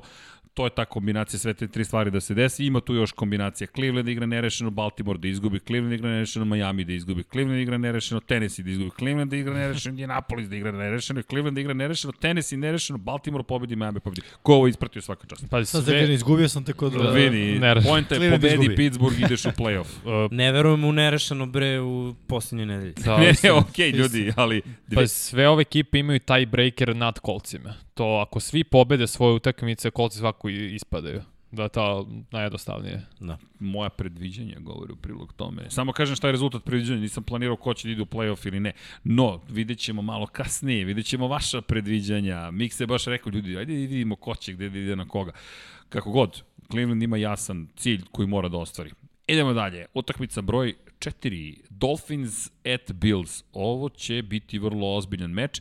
Bez obzira na odmaranje ili neodmaranje, Miami mora da dobije i kao što ste pričali, ono što je zanimljivo, Tua je pričao o tome da nikad da je jednom video sneg i tokom college dana je da je jednom izašao na sneg, da nema predstavu šta ga čeka zapravo u Buffalo Mixa, ti si to spomenuo kada je reč o Packersima mm. i to je, to je stvar koja uopšte nije naivna. Ljudi, vi ste igrali, vi znate koliko je drugačija utakmica kad izađeš na, na, na led i na sneg i kako se organizuješ u toj situaciji. Pa moraš da pokušaš da napraviš zabavu od toga. Mislim, hladno Da, je, jedino. nije prijatno, prijatno i ono, ajde da se zagremo i da bude zabavno. Jer samo ono što je bolje odnosno na kišu, kiša namokri loptu, lopta bude teža, lopta te, se teže baca, sneg ne natopi loptu. Uh, možeš da igraš, znači, a oni i menjaju lopte s kišom, ako je jak pljusak, za, za jedan drive lopta je naš koliko otežali već i spin drugačiji, prvo što je klizavo, možeš skineš rukavice, quarterback teže baca, snepovi su ono sve gori, idu u noge, idu sa strane, sneg to ne menja. U snegu je druga priča, ako je jak sneg i ako je dubok sneg, onda ti ono, popuni krampone, pa je malo teže cutback, možeš pravolinijski da trčiš, nema ono ševanja levo-desno. Uh, hladnoća, ko hladnoća, mislim Miami gde god da ide, oni idu na hladnoću, ovo je čitav Tako AFC, samo je Miami južno Da. i Tennessee, I Chargers. koji nisu playoff. Tako je. Mislim, gde dobro, god ideš dalje, mislim, odeš u Ali su uvek Pittsburgh, u lepim odeš u gradovima. Baltimore, odeš u Cleveland, mislim, gde god da si ide, čak i u Kansasu, čisto će da pada sneg, mislim, i tamo Hladno, je ono, da. ledara, Ledara. žešće. Tako da, mislim, ako će da napreduju da odu negde da pobede, moraju da idu na hladno. Bilo si mislim da će da se pouče malo ovim nekim povredama sitnim koji imaju i da odmaraju, jer njima nije važno, stvarno im nije važno. Da li će biti uh, mesto broj 2 ili mesto broj 3, a sad kad vide da su Steelersi već odlučili, ma i trojka nam je u redu, Buffalo ima taj breaker odnosno na Pittsburgh. Da, ali to ono što sam pričao na početku. Meni se ne sviđa to što će Buffalo da odmara, zato što su mlade ekipe, oni su mnogo dobro naletu sad i stvarno poslednje 3-4 nelje prosto razvaljuju ekipe. Ja bih volao to da nastave, sad igraš protiv playoff tima, tebi treba to neko iskustvo, jer igrao si prošle godine prvi put playoff sa Josh Allen. Ok, ajde protiv Majamija koja je slabiji, da to uradi. Koje jeste playoff ekipa, ali slabije od tebe. Daj malo protiv njih to iskustvo stekni i onda za playoff si spremni. Ima poente, ali s druge strane, mislim, šta izgubiš Stefana Diggs i onda si ista ekipa od prethodne sezone u play-off bez Jest, primarnog hvatača. tačno. Da. Ne možeš da rizikuješ nikoga da izgubiš, jednostavno ne možeš. Uh, baš zato što što igraš kod kuće, igrao si u Houstonu prethodne godine, sad igraš kod kuće uh -huh. i, i mora da imaš ceo tim na okupu. Moraju svi da se vrate da, bude, da budu svi zdravi, jer Dables ubija kako zove akciju ove godine. On je jedan od najkreativnijih ofanzivnih koordinatora ove godine. Miami mora da pobedi da bi ušao u playoff. To, to je, to je kak način na koji ulazi. se vrata, ozbiljno. Ili Baltimore da izgubi, ili Cleveland da izgubi, ili Indianapolis da izgubi.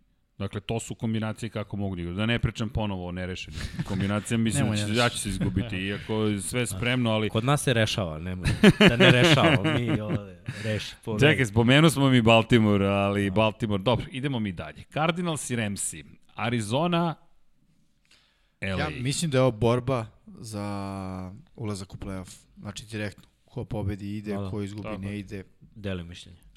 I to je u suštini to. E sad, između ove dve ekipe, mislim, ova divizija delovala kao jako dobra pre početak sezone. Ali kako sezona ide, meni ovo deluje onako gore nego istok NFC. Moram priznati. Zato što su, oni podbacuju, oni su kao na papiru jake ekipe, kao ekipe od kojih očekujemo nešto i onda bam, Jetsi. I onda odjednom, ne znam, ono, mučenje protiv... Ne razumem te. Pa... Tamo sam htio dobiti. tako da ovaj meč je sličan uh, onom prošlonedeljnom između Remsa i, i Seattle. Ja ga barem tako vidim. ili će biti uh, s jedne strane napadi koji se demoliraju, odbrane ne postoje, mada malo teže, odbrana Remsa je jako dobra. Više verujem da će to biti onako neproduktivni napadi i odbrane koje tu diktiraju šta će da se, da se dešava. Vrlo nezgodno za, Dosta, za tipovanje. izvini, jednostavan zapravo pristup mora biti. Moraš da pobediš da bi prošlo dalje. Postoji jedna šansa Arizona da ogradi ga nerešeno i Chicago da izgubi da bi Arizona išla dalje. Ali ideš ovo što si rekao, moraš da pobediš. Da, a i obe ekipe ulaze povređene dosta u ovu utakmicu. I mnogo igrača povređenih. I Marin nije 100%, mislim, Da. uh, DeAndre Hopkins već duže ne trenira u toku nedelje, pa se pojavi samo posljednji dan i odradi utakmicu. O, mi, mislim, imamo momka za kog ne, ne znamo kako se zove, da startuje na poziciji quarterbacka i na sve to potpisan Blake Bortles, mislim, ako moram govorimo o igračkim kvalitetima, Blakea Bortlesa potraće jako kratko. Blake Worthless. Pa, je, Izvini, čovjek je ušao u finale konferencije svoje vremeno. Jest. Jeste, Jeste, yes, najboljom odbranom i mislim, dobro, ta odbrana je sad manje više. Dobro odigrao utakmicu života protiv Steelersa tada. I on je čak Jeste. odigrao dobro. Jeste. Jeste. Pa, moraju, ako hoće Arizona pobedi, odbrana mora da iskoristi to što neće igrati Goff, što će igrati verovatno, ja sad čitam John Wolford. Wolford, da. On će biti starter prvi put ikada. Moraju to odbrana Cardinals da Uzimajući obzir i iskoristi. srednju školu i koleđ. Da, verovatno da. Znaš Verovatno. kim ga, znaš kim ga pored? Hm? Sa Fitzpatrickom. Up. Kažu Znači, imaju znači tu Remsi liniju- pobedili. Liniju o, genijalnosti i ludila u sebi. Okej. E, pa sad možemo da vidimo U, pa to- To će biti to zanimljivo onda za ispratiti. Sad će, to odgovara McVay, on voli te A. ludosti. E, ali ima jedna bitna Wake samo Forest. napomena. Ukoliko bude nerešen rezultat u ovoj utakmici i Chicago izgubi, i Arizona i Rams se odlaze dalje. Čisto da znate. Aha, dakle, nerešen okej. rezultat odgovara jednima i drugima. Mislim da je Fila slomila kalup kad je bila nerešena ove godine. Sa ovim ovdje. Sa Cincinnati. To je to. da, to je, to je jedini nerešen rezultat koji smo imali ove sezone. Da, da. Da, to je zanimljivo. Prošle godine smo ih imali baš dosta. Kako god, Arizona, Ramsi di- za direktan ulazak u playoff. To je ta lepota 17. nedelje i, i kao što si rekao, divizija koja na kraju može se završi i, i kogod da prođe u playoff može biti krajnje problematičan. Samom sebi može biti Čitav problematičan. NFC je problematičan. Jeste. Jeste. Cardinals i Ramsi, vidjet ćete, najavljujemo to i posle ćemo pričati o tome šta prenosi sport klub. Idemo mi dalje kada je reč o utakmicama i da pogledamo zapravo, Don Pablo mi kaže nema više najava utakmica, to je to. Sada da pogledate divizije. Kansas City Chiefs, čisto da konstatujemo, zapadna divizija AFC-a, Američke futbolske konferencije, tragično izgleda. Raidersi, Broncosi, Chargersi, Chargersi na kraju na, na poslednjoj Ne, o, poziciji. za mene Chargersi 6-9, Denver 5-10. A, ovde je zamena. Da, da, došlo je do zamene. To je Dom Pablo nešto podmetno, pošto Da, su mislim Raidersi. da on. Šalim se, nije, nije Dom Pablo. Ovo je naša greška u produkciji. To je ta jurnjava bila danas, da se neke stvari stignu, pa ne zamerite na nekim greškama, ali Chiefs svakako obezbedili titulu u zapadnoj diviziji. Vanja, čim je video Chargersi da nisu na svom mestu, reakcija je bila instant. Šest pobjeda je. Tennessee Titans i Indianapolis Colts, to je ta čuvena priča o južnoj diviziji američke futbolske konferencije koja je i dalje otvorena, vrlo jednostavno. U Coltsi ukoliko pobede Tennessee, ukoliko izgubi, da zapravo kada pričamo o ovim stvarima, kada pričamo o Tennessee i Indianapolisu, čisto da napomenemo, Tennessee ukoliko izgubi Baltimore, ide dalje, ukoliko Miami izgubi, Tennessee sigurno obezbeđuje sebi prolaz, na primjer, iz te perspektive, ali diviziju osvaja ukoliko pobedi Indianapolis, ukoliko izgubi takođe obezbeđuje diviziju i ukoliko igraju nerešeno ili drugi, na Da, primjer. pe, moram, moram samo da te prekinem i dve stvari da kažem. Tenis igra protiv Houstona. Znači, jedan od najboljih trkačkih timova protiv najgore odbrane trčanja. Znači, ako Iola neko ima mozga u tom tenisiju, treba da napravi game plan 80% trčanja na toj utakmici, da Henry istrči 200 yardi, da stigne Vidi. do 2000 yardi i da bude jedan od najboljih ofanzivnih igrača ove godine i da uđe u playoff lagano kao prvaci divizije. Igra protiv Jacksonville. Indianapolis je već izgubio jednu od Jacksonville, znači već, već se desila korona i sve, znaš, ono, to je anomalija ta i sada, ov, mislim, dobro, bi znaš, Vidjet možda je moguće, možda Vidjet ćemo, pazi, vidjet ćemo. Obezbedili su Da prvog pika, pogledamo znaš. mi, da, da, pa vidi, kada pričamo o, o, o, o južnim divizijama, da pacimo pogledi na nacionalnu futbolsku konferenciju, Saintsi, Baxi, ok, Karolina Atlanta na, na začelju su, međutim, završni mečevi su Tampa će igrati protiv Atlante, New Orleans će igrati protiv Karoline, opet priča o divizijama, 5-0 za sada Saintsi su savršeni u diviziji, delo je da će se tako nastaviti, Tampa, ajde, protiv Atlante, osmi susret zapravo između Brady-a i Atlante, na to se nekako svodi. ali treba pogledati divizije koje to nismo prosto najavljivali na poseban način kroz mečeve koje smo istakli. I polako li sigurno dolazimo do čega? Do semafora, prognoza. Ti si najavio plakanje neko i ko će slaviti, neće slaviti. Možemo da vidimo, molim vas, kakva je trenutna situacija. 160-81. Je li ovo tačno? 160-81? Pa, taj 8-1. Vidiš iza tamo. Bilo je suđa. Ali da, vodiš miksa i dalje. Vanja, pozicija broj 2 i dalje razlika neka postoji. Još ovo kolo je ostalo, rekli smo tako, resetujemo semafor i onda se igramo sa svim gledalcima takođe. Učestvujte naravno u ovome.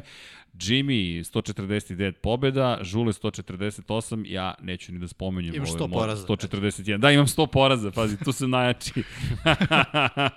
Ali okej. Okay. Imaš prvi pikar na draftu. Imam prvi, ej vidi, imaš malo pa ko Jetsi. Ali kako smo mi prošli u prethodnom kolu, to je isto zanimljivo. Okej. Okay tipovao sam ja na Minnesota, svi ste tipovali na New Orleans. Minnesota posjetila New Orleans i pretrpela očekivani poraz. Negde sam se tu nadao da ću malo da vam se približim, nije se dogodilo. Tampa Bay u Detroitu, svi smo birali Tampa i to se dogodilo. San Francisco protiv Arizone, eto, pohvala jedna, tu sam anulirao ovu Minnesota, moram priznati se rekao, zašto sam igrao na Minnesota, tamo sam mogao malo da se približim. Ali San Francisco, rekao sam i prošli put samo što je diviziono rivalstvo, ne zato što sam očekivao nužno da game plan neki će doprineti tome. Videli smo, kao što si sam rekao, neke su na, naše su ključ za Kylera, tako da je pao poraz, a Miami protiv Las Vegas Raidera... Ovo ženi Joe Gruden da nam Pado smo ovu pobedu. Pa, Pado smo, Fitzmagic. Ovo je na njemu. Pa, Niste verovali Gruden. magiju. Nismo verovali magiju, ali... Da sam znao da će ući sigurno, možda bi poverovao, ali neko trebala mi ta pobeda Raiders. Više zbog kolca nego ovako da... Pazi ovo, Karolina protiv Washingtona. Jimmy, Samo to je cijela pa, konstatacija. Pa znao sam da kad igra Haskins da će Washington, ja sam znao da će Haskins da igra, to je prva stvar. Da, to je što si znao. Ja da. sam verovao u Aleksu brata da će zaigrati kroz nije bilo, nije bilo logično da ga tad uh, forsira, jer on će, i ako uđe u playoff, sve playoff će iz njega biti patnja, zato što će igrati, mislim, realno povređen. Ali nekako sam namerisao Karolinu da ima šanse da ih pobedi i eto, na kraju to se, to se i, i dogodilo, jer napad Washingtona nije toliko produktivan uh, ne kažem uopšte nije produktivan, ali nije toliko produktivan kada je Haskins glavni quarterback. Kako god čestitke odnosi, odnosi pobedu Karolina, tvoja prognoza bila Indianapolis protiv Pittsburgha, svi smo izabrali Indianapolis i, i opekli smo se ozbiljno. Pobedu na prvom polovremenu nije dalo, kao, da, mislim, znaš, da meni je ovo bilo, ja gubim prognozu, ali... ali i radost. Da, da. Hvala kolci, meni smo ovo sa playoff. Atlanta u Kansas City, u Kansas City vrlo, više nego očekivano. Chicago protiv Jacksonville, svi smo tipovali Chicago, opet veoma očekivano. Cincinnati i Houston, Ovo si ti sađen. A vidi kako sam, ih, kako sam anulirao samog sebe. Cincinnati, odneo sam pobedu to protiv. Houston, zaista sam očekivao, tu sam očekivao pobedu. Sledeći meč, svi smo izabrali. Baltimore protiv New York Giantsa. Cleveland protiv Jetsa, čak i ja sam izdao moje Jetse, žao mi je, to se neće Nikad ponoviti. nije dobra ideja. Nikad nije dobra ideja. Ili možda dobro za njih, svaki put kad ih ne izaberemo, oni pobede. Da. Da, to jeste. Ali Zato... previše neka kontriraš, znaš, uzeo si Cincinnati, pa onda sa Denverom poravnaš, moraš neki ban da nađeš, ne možeš stalno da kontriraš. Ja, Vanja, kad vas pobedim u play-offu, pričat ćemo o balansu sile, ali dobro. Ovo je njegova priča iz treće nedelje, kad ja sad. ali dobro zvuči, čekaj. 13 nedelja kasnije. ali bar ne odustajem, pazi, upornost je da, osobina. Vrlina. Da, nadam da, se da je vrlina, vidjet ćemo. Cleveland, dakle, svi smo pretrpeli tu poraz, Denver protiv LA Chargersa, da Svi ste izabrali LA Chargers-e, čestitam, osim mene. Philadelphia, Dallas. Samo je Žule birao Dallas, bravo Žule. Svi smo tu pali na Philadelphia osim Žuleta. Las, Los Angeles Ramsi protiv Sijetla. Jimmy ti ja smo verovali u Ramse, ostali su bili da, precizni. I Tennessee, Green Bay, opet ti ja smo tipali na Tennessee, baš se nismo tu lepo proveli. Da. Buffalo protiv New Englanda, ovo delo je kao jedno od lakših izbora. Buff, nevjerojatno, ali Buffalo Baš je pregazio New England. I sada idemo na ono što nas čeka. Šta smo najavili? Filadelfija, čekaj Jimmy, ti si navijač Filadelfija, ali u Washingtonu posti Filadelfiji Jimmy, da. Miksa, Žule, Washington, Vanja, ja, Filadelfija. I Fila odmora startere, samo to ti kažem. Vidi, ja sam prognoze dao, nije neki izgovor kada, u, požurio sam ove nedelju. Tako, sredu sam prognozirao, malo sam, malo sam poranio. Da, ja bih, ja bih rekao, uh, moja podrška Philadelphia zapravo izgubite sad, nebitno je, bolji pik na draftu i sledeća sezona. Pa jeste, mora se misli unapred malo. A i drugo, za Washington igra Alex Smith, već nedeljama pričamo da je to druga ekipa kad igra Smith. 4-0. Tako je, Smith će sada igrati, ja stvarno očekujem da Washington pobedi i da uđe u playoff. Ja ste ja podržam Jimmy, ništa više. Okej. Okay. Ok, održao si Jimmy-a, mada on želi nešto drugo. Jacksonville at Indianapolis. Jedini biram Jacksonville, zašto? Znam da je nemoguće da dva puta pobede u istoj pa nemoguće. sezoni. Nemoguće, bukvalno. Ali, postoji nešto i ovo se neće dopasti navijačima Indianapolis kolca, postoji mogućnost da izgube ovu utakmicu. Ne da Jacksonville nužno dobije, nego da je izgube. I ne, ne, ne, ne da to želim, nego prosto, eto, to mi je neko razmišljanje. A i drugi ljudi, budimo realni, imam 100 poraza, ne, negde moram baš ozbiljno da rizikujem, a Jacksonville, ha, vidjet ćemo, vidjet ćemo. Houston, Vanja, ti si jedini u, u duelu između Tennessee i Houston izabrao Houston, svi ostali smo Tennessee. To treba mi pobeda Houstona, prosto protiv Tennessee da bi Indianapolis pobedom ušao u playoff. To je to. I Aha, mislim da Watson, ne, neko, nakon onog govora JJ Vata, mislim da će to on njih da inspiriše, da odigre bolje. Sad, koliko je to bolje da će dobiti, male su šanse, ali mislim da Watson ne bi volao da završi sezonu porazom, inače on isto biti ekstra motivisan. I ovo je na nivou mog Jackson. Jeste. To je skoro, to skoro, tu smo skoro, to Pa da, realno ako Derek Henry bude trčao unazad. Backpedal. Bočno. Ka svojem zone. Atlanta posećuje Tampa Bay.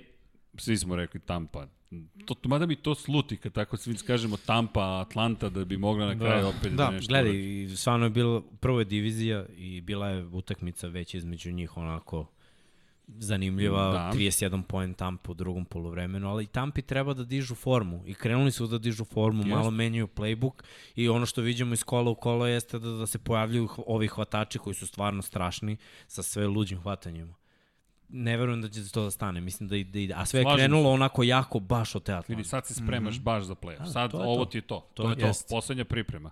Slažem se. Dallas u Njurku protiv Giantsa, Žule bi izabrao Giantse, Biće to interesantno pratiti. Žule ima, ima iskusan taj moment. Ima njuh. Ima, ima. A mada Miksa ove godine si sve ovako dosta dobro pobedio. Mada još nisi pobedio, pazi, tu da. je Vanja, još vreba neku šansu. Mada pa, kako birate, uh, teško će se to desiti. Mala šansa. Sluša, dečko. New York Jetsi protiv New Englanda. Većina je birala na New York Jetse, haha, osim Vanje i Mikse, tipuju na New England. Da, gledaj, razmišljam sad i Jetsi su u dobrom naletu i sve, moraju nešto da upropaste. Nemo, okay, znaš, smisla. Stvar, stvarno, dve smisla. utakmice za redom su bile ono, za Jetsi toliko dobre, da, a za New England toliko loše, da, da nešto tu mora da se promeni. Druga nešto. stvar, ako Bill bude uništio još neki tablet ili telefon, znaš, ne ide, mo, moraju za trenera malo, znaš, nema čovjek samo ide da lomi nešto. A pazi, taj moment Jetsi, jedan dan je bio trener New York Jetsa, Bill Belichick, da li je kao Buffalo što ih je pregazio prošle nedelje, da li Jetsi sad kažu, jedan za Bila. Pa, ja verujem da moguće, da. da, moguće, moguće, vrlo moguće. To, to mi je razmišljanje, znaš, Jetsi, i mada evo poslednja vest, Adam Gase navodno neće biti trener naredne godine, što je A čekaj. poželjno. Dobre vesti. To su dobre da, vesti. Jetsi. Stvarno, smo šok. Onakav čovjek. Ja, ja moram priznati da sam bio frapiran kad su ga angažovali, jer to je zaista bio šok. A, pa, on u, u Miami je tako bio ofenzivni koordinator. Da, jeste, toga. Da. On je sa Tenehillom imao stvarno dobre sezone i napad Miami je delovalo kreativno, veoma zanimljivim. Nisam ja bio šokan što je bio na kraju angažovan, ali do čega on nije da za glavnog trenera. Da li se prve konferencije za medije kada je ah, postao glavni trener? To je bilo. Ne, tad se videlo da nije za glavnog trenera. Transfer blama. I, I to je ono što, što često pričamo. Dok nisi ispod, pod svetlima reflektora, lako je govoriti, ma samo me stavite da vidite. Kad staneš pred svetla reflektora, šta sad? Aha, sad sam ja taj koji se pita zapravo. Nema više nikoga ko će meni da kaže da mi je ograničenje u kojem je funkcioniš. Ne, ne, imaš punu slobodu. Ti definišeš način na koji komuniciramo. I to je ta priča o glavnim trenerima, pa i o ljudima koji treba budu startni quarterbackovi. Nešto poput Josh McDaniels, koji je neverovatan ofazni koordinator, kad je bio trener, to je nije izgledalo uopšte dobro. Da, to će isto biti zanimljivo. Bilo je dosta pitanja na, na kontu njegove budućnosti, da li će ponovo pokušati da bude glavni trener negde. Ali okej, okay, idemo. Posle idemo. ove sezone bolje da ništa ne pokušava. da, bo, bolje. Idemo dalje. LA Chargers je protiv Kansas City-a. Svi ste birali LA Chargers, ja sam izabrao Kansas City, neću da se vadim na tu sredu, stojim pri Kansas City, to je jedan sada pobednički mentalitet, bez obzira što pola startera neće biti u timu, Kansas City odnosi pobedu. Hrabro se držim toga. Minnesota u Detroitu, Niko ni ne razmišlja o Detroitu. Imate Pa, nešto da kažete, bukvalno niko ništa Nakon samo ovoga što smo ti ja prenosili Detroit, stvarno nemam ništa da kažem, osim dajte nešto učinite. Novi GM, novi trener, novi igrači, sve novo. Bukvalno. Probajte sve novo, znači Sve. probajte nešto što je Washington Ne može probao. gore od onoga. Da, jer Washington mi delo da, da je iz te slične situacije, iz tog lutanja, uspeo nešto da uradi. Sa koja je razlika? Washington je kuburio godina, što oni 30 godina traže quarterback.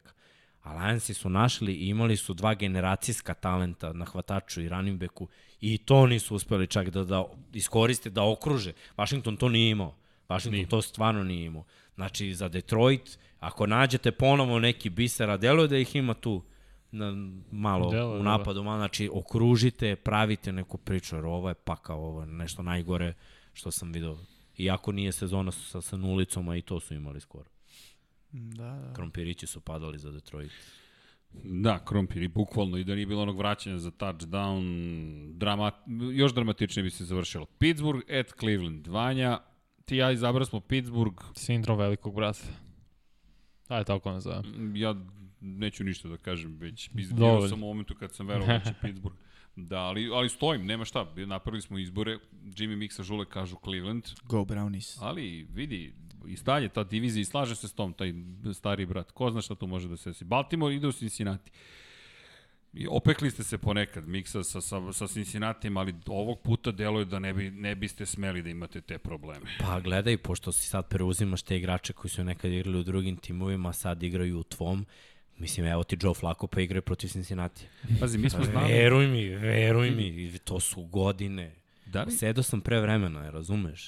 da li mogu nešto da ti kažem? Kaži. Znali smo da će se odreći svog ljubimca, ali ako se okreneš iza tvog levog ramena, je sakriveno kukavičije jaje dole, tamo dole. e, Na, na polici.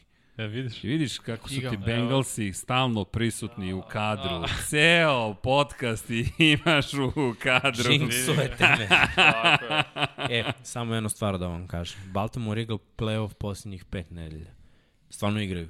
Igraju. Stvarno igraju Da. posljednjih pet Igraju, nedelja. igraju. U posljednjih pet nedelja, ako gledamo ocene prvo uh, napada, napad je top 3 u ligi. Jeste. Ako gledamo Lamarove ocene, uh, Lamar je ono, broj 2 u ligi po svemu što je broj dodavanja za touchdown, rating, uh, yardi istrčani, Da, QBR i tako. QBR i, ta, i tako neke stvari. Mislim sad to je neka statistika, ali ono što nije statistika, što se stvarno vidi na terenu, je da je ovaj čitav tim nekako stao iza njega, e, da je ofanzivni koordinator provalio da treba da se vrati onim starim korenima. Mm -hmm. Kogod da je taj tight end, bez obzira što nije bio tu prehodne godine, aj stavi ga tamo i neka blokira.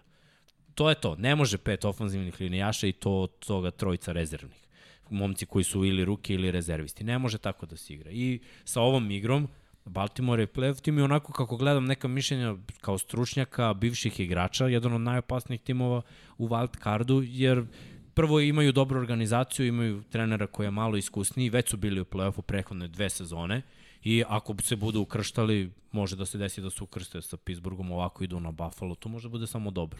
Pričat ćemo o tome, ja ver, pretpostavljam naredne nedelje, ali Baltimore čeka taj najveći test, zapravo Lamara, Tako taj da pobedi u najzad u play-off U utakmici. prvoj utakmici Bengalsi su dali Baltimoru 3 poena. Mislim, kada daš 3 poena, teško možeš bilo koga da pobediš, a bilo je šest cekova, d- jedno, deset udaraca kvotrbe. Ne vidim da će se to promeniti, jer ta Baltimore mnogo blica, a uh, Bengals imaju ove mlade kvotrbekove koji još uvek ne znaju kad da uđu u džep. On, kao on, oni sve vreme čekaju, pa će levo, pa će desno. Evo ti Jones, šest puta sekovan, 11 puta udaren Jeste. u prehodnoj utakmici. Ne zameri što smo ti postavili veze, tu nema nekakvu kadru stajalo.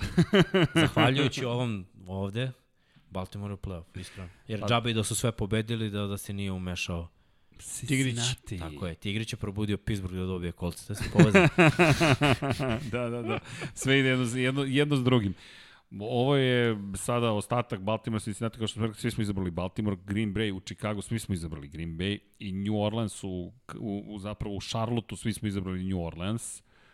Ne, ne, nemam mnogo toga da dodam. E sad Buffalo. Miami posećuje Buffalo miksa, ti si jedini izabrao Miami, svi smo ostali birali Buffalo. pa da, zašto Buffalo je vrhunski tim, ali Buffalo će i Uh, mislim da će u jednom trenutku da neće krenuti sa rezervistima, ali da će samo u jednom trenutku prelomiti i da će ući uh, Jasne. drugi tim u igru. Miami mora da pobedi. Miami ima brutalnu odbranu. Kada imaš u diviziji brutalnu odbranu za protivnika, nećeš da ti ulaze tvoji glavni igrači u te duele. Miami bije. On stvarno bije ove godine. Kogod igra protiv Miami, nije se lepo proveo. Mislim da Buffalo to ne treba sada pred playoff. Zato samo Miami. Ne verujem u tu uopšte, Fitzpatrick ne igra, Da, ne a, igra. ali verujem u tu odbranu Miami, jer stvarno je jedno najboljih odbrana. 19 Da, da, da. pozitivan, tako da, da svakako neće nastupati. Seattle protiv San Francisco u San Francisco, to jest gde god da San Francisco igra sada, kakve su stvari, kakva je situacija, ali činjenica da, da Seattle deluje kao, bez obzira na divizion rivalstvo, da bi trebalo da, da reše ovaj meč u svoju korist. Seattle ide na prvom mestu u NFC-u. Mislim, u njihovoj glavi Green Bay može da izgubi, Green oni Bay, da, da, pobedom izgubi- budu broj 1. Da, oni mogu. I oni su jedan od timova koji isto kao i Green Bay koji igraju mnogo bolje na domaćem terenu nego na, na gostovanju. Seattle u svakom slučaju naš izbor. Vanja, ti si jedini izabrao LA Ramse kao pobednike u utakmicu koja Arizona dolazi na njihov teren. Zbog odbrane se izbor Bo Donalda i Ramsija koji stvarno su maltretirali Mare u prvom meču i mislim da će to sad ponoviti kad je Mare malo povrađen, malo i kao što si ti rekao Hopkins isto nije po, potpuno spreman. Tako da to očekujem što smo pričali pre, treba im, ono. Treba, pobedit ćeš im treba. Stari dobar razlog, treba Da, im. treba. Ja samo za quarterback kad nisam siguran. Zato sam stavio Arizonu. Meni Arizona uopšte nije, šta više, toliko su me puta razočarali ove sezone, naročito na kladionici, znači, obarači klasični. Ali ovde, mislim, igraš protiv Wolforta ili Bortlesa. Ajde, ono. Stupi, Da, da. skorači, pobedi, uđi u playoff. I ostaje nam za kraj Las Vegas Raidersi u Denveru. Svi smo birali Raiderse osim Žuleta koji tipuje na Denver. A to sam znao da će da tipuje na Denver. Jesi ti Yes, rekao, yes, Žulet će yes. sigurno izabrati Denver. Nekako ima tu taj moment izbora. Pa, pa nijedna ekipa nema zašto da igra i stvarno je moguće da Denver pobedi. Može će biti, prosto može se želeti pobedu više, jer Vegas je izgubio šansu za playoff, oni su sada u potpunom padu i ono, zašto, šta će im ovaj meč? Pa za Čakija. Misliš? Pa da, pa kad si već sve on uradio što si uradio, daj da bar budemo polovični. Da Nema bar smisla. sezona bude da, se ne bar bude totalni napredak, fail. Jer znaš. ako, bude, ako budu izgubili ovu utakmicu, onda ista sezona kao i prošle godine. Šta se Da, da. zapravo promenilo? Ma ništa. Da. Samo se teren promenio i grad se promenio, sve ostalo, ostalo isti, dalje su banda Istina. raspuštena. Šta nam je još ostalo za kraj? Da vam najavimo šta ćete gledati na kanalima Sport kluba i naravno da vas pozovemo da se subscribe-ujete na naš YouTube kanal, ali Cowboysi u Njujorku, nedelja 19.00 Sport klub 3, Steelersi, kada je reč o Clevelandu, nedelja 19.00 Sport klub HD, zatim Packers i Bersi, nedelja 22.25 Sport klub 3, Cardinals i Ramsi 22.25 Sport klub 2 i ovo je Sunday Night Football, Washington protiv Filadelfije, ponedeljak, to je nedelja na ponedeljak, 2 časa 20 minuta, Sport klub A 1. tako je mogao da bude dobar meč. Još jednom Samo da podsjetnik, da. Eaglesi S- pobedili. Da, a, ja, a da ste pobedili, zaista bi bilo Sunday night, ono, kraj sezone ludački. Ali okej, ništa. Ali svi mečevi se igraju u nedelju. Da podsjetimo još jednom, nema Monday Night Footballa, nismo imali Thursday Night Football, nema ni Friday Night Football, ni Saturday, nema ničega.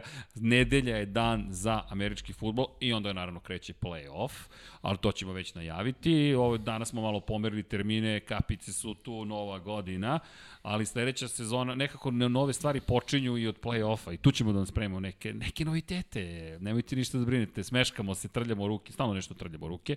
Subscribe-ujte se. Hladno je u studiju, to je. Hladno je, hladno je u studiju i za kraj hoćemo da iskoristimo priliku da poželimo još jednom lepe praznike. Ljudi, da nam bude lepa 2021. godina. Mislim da to nije teško, odnosno na Da, to sam teo da kažem. 2020. Teško je gore može što je bilo. A jel mi imamo nemoj, nemoj, Nemoj. Nemoj, čuti, Ne. put, Pričaš Pomeri se ajmo sad svi, nemoj. nemoj. slušaj, ne. dokle god je, dokle god je ovde Bengal, sve u redu. Okej, verujem. Koncentrujemo.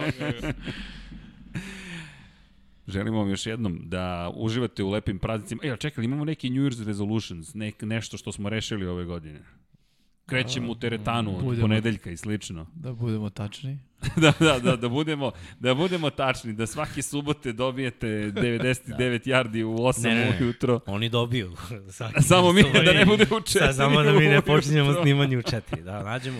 Da. Da. Dragi Deda Mraze. Da. ovaj, Jao, Dom Pablo, možete da date studio bez potpisa. O, ovo je, ovo je novogodišnjo, no, nadam se da postoji taj moment, novogodišnje veselje.